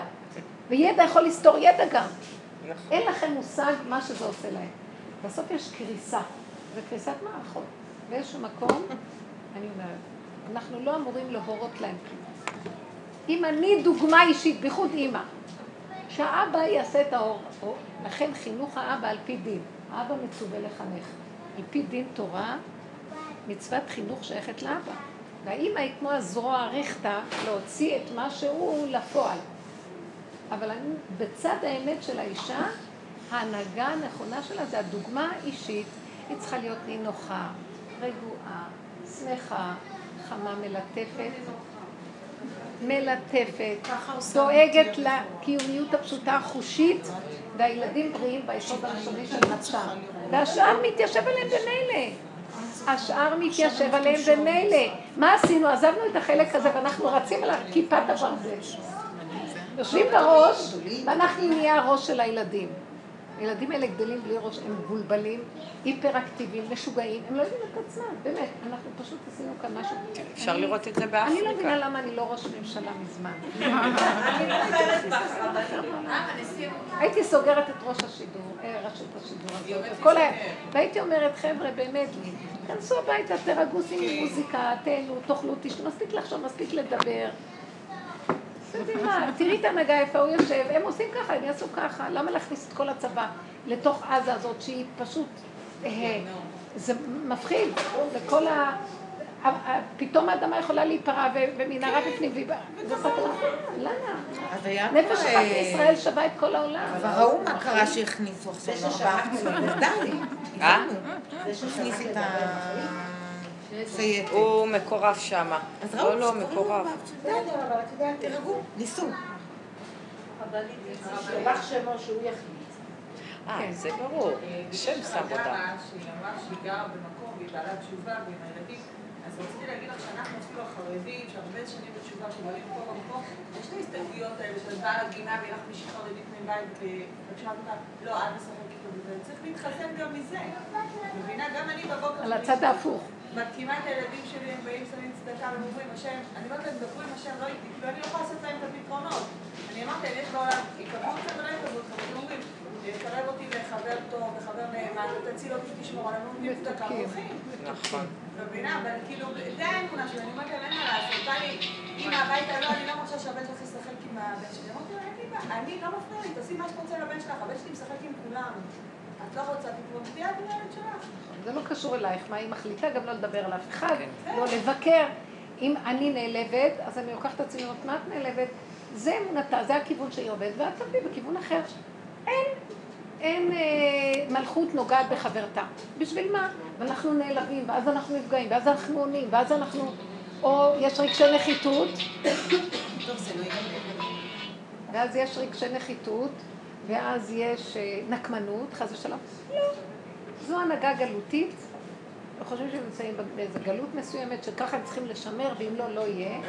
ובאמת, לקראת הסוף יהיה נקודה של כיתות, כיתות, כיתות, הקצנה מאוד מאוד מאוד גדולה של מה שהיה קיים, כי יהיה מאוד קשה לעזוב את ההנהגה של הגלות, אבל הגלות הולכת ונעלמת, תפיסת הגלות הולכת ונעלמת, יבואו, עכשיו מתחיל אור חדש פה, של התמזגות והשתלבות. אהבת ישראל, וזה לא סותר שאלה יישארו במה שהם חושבים שככה ההנהגות שלהם, ואלה וככה ההנהגות שלהם, וזה לא סותר. זה לא סותר, כשם שדעותיהם שונים, פרצופיהם שונים, אבל במידות, באחדות, בשלום, באהבה, ולא לדון אחד את השני, לא לבקר אחד את השני, ולא לא לחשוב, ש... לא לערבב את זה עם מידות. על מה חרבה ירושלים? על שהיו דנים בה דינים. כל אחד היה דן את השני ורוצה להראות לו שהוא צודק. וכולם היו שם דור של צדיקים, תלמידי חכמים. בית שמאי ובית הלל, כמו שאמרתי לכם, יוכיחו, הם היו אנשים שהייתה להם דעת גדולה, ואלה היו אנשים עם דעת גדולה, דעותיהם היו שונות בקוטב השני. ובמידות הם היו באחדות, באהבה, והתחתנו זה עם זה, וכיבדו זה לזה. זה לא סותר, וזה גדלות האדם. אבל להישאר בקטנוניות ולפחד מהשני כאילו לפחות איזה עמלקי או משהו כזה, אין הדעת סובל את הדבר הזה וזה מביא קטרוג. אז אנחנו לא רוצים להיכנס למקום הזה. לחזור ליסוד של האמונה, אז תורידי ראש. אבל אביבי הרבנית- מי עזבוני והשם יאספני. אבל לא להיעלב ולבכות מהם וגם לא לקראת רגע לאף אחד. זה, מה שאת אומרת, זה נכון שכשאני לומדת את הדרך שלך ועושה את העבודה, אבל אם עומד מולי אדם שלא יודע את הדרך, כן. אז אין ברירה מלהתנתק. נכון. עזבי להתפלל, נכון. להתנתק, נכון, יש מצבים שאתה צריך להתנתק, אתה לא יכול להיות ב... סליחה, אבל בלי לא. אני לא מדברת... בלי מה- ריב. בלי ריב. הגרה, אני לא מדברת מה לעשות, אני מדברת איך לעשות את מה שלעשות. כן. לא בהתרסה, בנקמנות, בכעס, אלא לעשות, סליחה, זה נקודה, וזה נקודה, אני לא כועס עליך, לא- מתאים, אז לא מתאים. איך? כן, סליחה, בלי דעות. אם ככה דעתך, שיהיה לך, דעתך. כן. לא לריב, לא להתווכח, לא להתנצח, לא ללכת, הם ככה, אז אני אראה להם ככה. לא, לא, לא. זה נקודתם, ורק זה יכניע את ההנהגה הלא נכונה של המידות הרעות. זה מידות רעות, זה לא הנהגה נכונה. אפילו גדולי ישראל לא הסכימו לזה. יש איזה פחד כאילו שיהיה התערבבות, ואז ילמדו דברים לא טובים. אם אנחנו נמשיך עם עץ הדת הזה, דווקא הילדים האלה שכל כך שומרים עליהם, דווקא הם מועדים הכי הרבה ליפול חד ושלום, שהשם לא יעשה ככה. זו סכנת עולם, תזהרו לכם. לכו בשלום ותבקשו להשם, שאם זו הנהגה שלנו מדורות, שהשם ישמור לנו שככה יהיה, אם זה הנהגות שככה יהיה, שהשם, אם אתה רוצה שככה יהיה, תשמור עלינו. אז מה קרה לי? ראיתי את כולם הולכים לים בשבת. אנחנו לא הלכנו, אז מה קרה לי? היו שכנים לא דתיים. אז מה קרה לאימא שלי? כלום. אימא שלי שמרה שבת, הם לא שמרו שבת. ושלום שלום, ושבת שלום. שי. לא, כן. יש הרבה כאלה שהיו בהרבה מקומות בשכונות. כמו שאת אומרת בפשטות, זה אני זוכרת את אימא שלי. כי אם מחזקים כל אחד את הנקודה שלו במה שהוא, ומחבר אותה להשם, השם יספק בידו. אז כן, היו 12 שבטים, וכל שבט הלך בכיוון של חשיבה וצורת קיום של דברים מסוימים, אבל לא היו צריכים לריב זה עם זה, זה מאוד מסוכן. גם אני אומרת בזוגיות עצמה, כל פעם קחו את זה בנקודה כזאת. שיחקו קלפים. בוא ניקח בחינוך הילדים ובוא ניקח בזוגיות. הבעל יש לו כיוון מסוים, צורת חשיבה מסוימת, צורה מסוימת של אישיות. לכבד, לכבד, ולא לא לסתור, לא להתערב, מרגיז אותי איך הוא עושה דברים. סליחה, זה שנאת חינם. מה שהוא זה הוא. מה שאת זה את. אם את תכבדי אותו, גם הוא יכבד אותך. אין מלכות נוגעת בחברתה. לא התחתנו כדי שאחד ייכנס בשני ויהיה מה שהשני. לא. וזה היופי בעולמו של השם. כל אחד המיוחד שבו יישאר משהו. וזה לא סותר שאף אחד לא יציק לאף אחד. הזאב יישאר זאב, והכבש יהיה כבש, והם יחיו ביחד. שנינו וזה- ביחד וכל אחד לחוד. כן, האמת כן. שהזוגיות היא מאוד יפה. בדיוק. זוגיות זה לא ביחד זה כאילו... לא. כל אחד יש לו את לי. המקום שלו, וכל אחד יש לו גם מקום, ויש רגעים של החיבור, כשיש שלום, שזה נוטרליות שלא קשורה לדעות, זה החיבור בין איש ואישה שלא קשור לדעות. ברגע שבאות הדעות, כשנגמר היסוד של החיבור הזה, לכל אחד יש דעה ביחסי רעות. שונה מהשני, זה לא אומר שעכשיו אי אפשר להיות רעות. זה לא אומר שיריבו ויחלוקו. וזה עבודת מידות וזה תלוי בנשים, ואני מבקשת שנבין את יסוד האמת, נחזיר את האמת והשלום לעולם. אמת ושלום יאהבו. וזה גילוי מלכות שמיים. כשהוא רואה שככה אנחנו חוזרים בתשובה אליו, זה לא העיקר לקשור את המטפחות וללכת מפה עד פה ועם השלים וכל זה, אני, אני לא נגד שום דבר. וכשאני רואה התקצנות בדבר מסוים ובפנים מסריח, סליחה, זה לא לעניין. אז על זה נעשה תשובה. אם זו אמונתה ללכת, איפה תלך ככה, זה לא סותר שזאת שלא הולכת ככה, זה פחות טובה והיא לא צבועה. כל אחד ביסוד שלו, יש קו אמצעי שהתורה מבקשת מאיתנו בשולחן ערוך, לשמור אותו וזאת. לא להתבלבל יותר מדי ולהיות משוגעים על דעות. לא מתאים, בייחוד אנחנו כנשים, לא מתאים. ואם הילדים רואים אימא כזאת רגועה, ויש בבית שלום, ויש כבוד, יחס לכל יציר אנוש, אותו דבר עם ילדים. ילד כזה וכזה, ילד כזה כזה, ילד כזה, את לא יכולה להגיד, תראה ככה ככה או ככה, ואתה לא עושה. הוא ילד כזה, הוא ילד כזה, הוא ילד כזאת. ולאמא יש יכולת הכלה. מה זה הכלה? לכן האישה היא כוח קיבול. מבחינת העיגול, והעיגול מקבל. הרחם קולט, מקבל. לנו יש תפיסה של קבלה, לקבל. לקבל כל דבר איכשהו. ולא להביע דעות, ולחלוק, ולריב, ולהתנגד ולהתנגח. זה, בזמן האחרון אנשים תפסו מקום לא נכון. לא, זה לא יפה. כל אחד באשר, מה אכפת לך? מה זה קשור אלייך? מה את עושה את הכל שלך? זו דעה כזאת, זו התנהלות כזאת, וזה סוג של בן אדם כזה. מה זה קשור אלייך? תמיד תשאלו את השאלה, מה זה קשור אליי? ליסוד האמיתי של השלום והאהבה והרכות והחיים הטובים. מה זה קשור? כי זה מה שמביא את המריבה, וזה מה שמביא... לכן אני אומרת, עכשיו יש פה, יש בסיס מאוד טוב למשהו מאוד גדול שיתגלה. כל העיתונות וכל הברברת הזאת, היא ממש. אני ממש מתחננת להשם שישתוק, שישתיק אותם. באמת אני אומרת שזה יכול להיות ממש הפרעה גדולה. אני מתחננת למרות, אז אני אומרת לו, אומר לי במחשבה השנייה, את רוצה. שאני אשתיק אותם? תשתקי את. תמיד זה מתחיל ממני, שמתם לב? יפה. את אומרת לי שם, בואי את תשתקי, מישהו אומר משהו ולא נראה לך, תשתקי, נראה אותך. יפה. יש לך המון דעות, גם את תשתקי ואל תגידי דעות. תגידי את הדברים הנצרכים למציאות הקיומית הפשוטה, וזהו, ותני לי להעניק את עולמי. אז אני פתאום אומרת, יפה, יש לי צד גם כן דעתן שרוצה להגיד את. לשתוק. מה, אני מבקשת שתעשה ישועה במקום אחר ואני מפריעה לך? אז הוא אומר לי, אבל את מפריעה לי, לא הם. איזה, באמת זה דבר מדהים. כל מה שאנחנו יכולים להגיד על השני, השני יגיד, ואתה, קשור את עצמך תחילה, ותראו ישועות. אז כל דבר שאני מבקשת ממנו, אני כל הזמן צריכה לעשות חשבון. הוא יקיים את מה שאני רוצה אם אני נותנת לו את החלל הפנוי להתגלות, ואם לא, אז אה, אני מבקשת ממנו, תבוא, תעשה בשמיים ישועה. בשמיים אני חי שם כבר מזמן, אני רוצה להתגלות על כדור הארץ. את לא נותנת לי מקום. אני רוצה להתגלות בתוככם, בהנהגות הפשוטות הרגעיות. אז תעשו חשבון נפש, תנקו את השטח, תנו לי להתגלות. הניקיון הכי גדול של השטח, אל ת...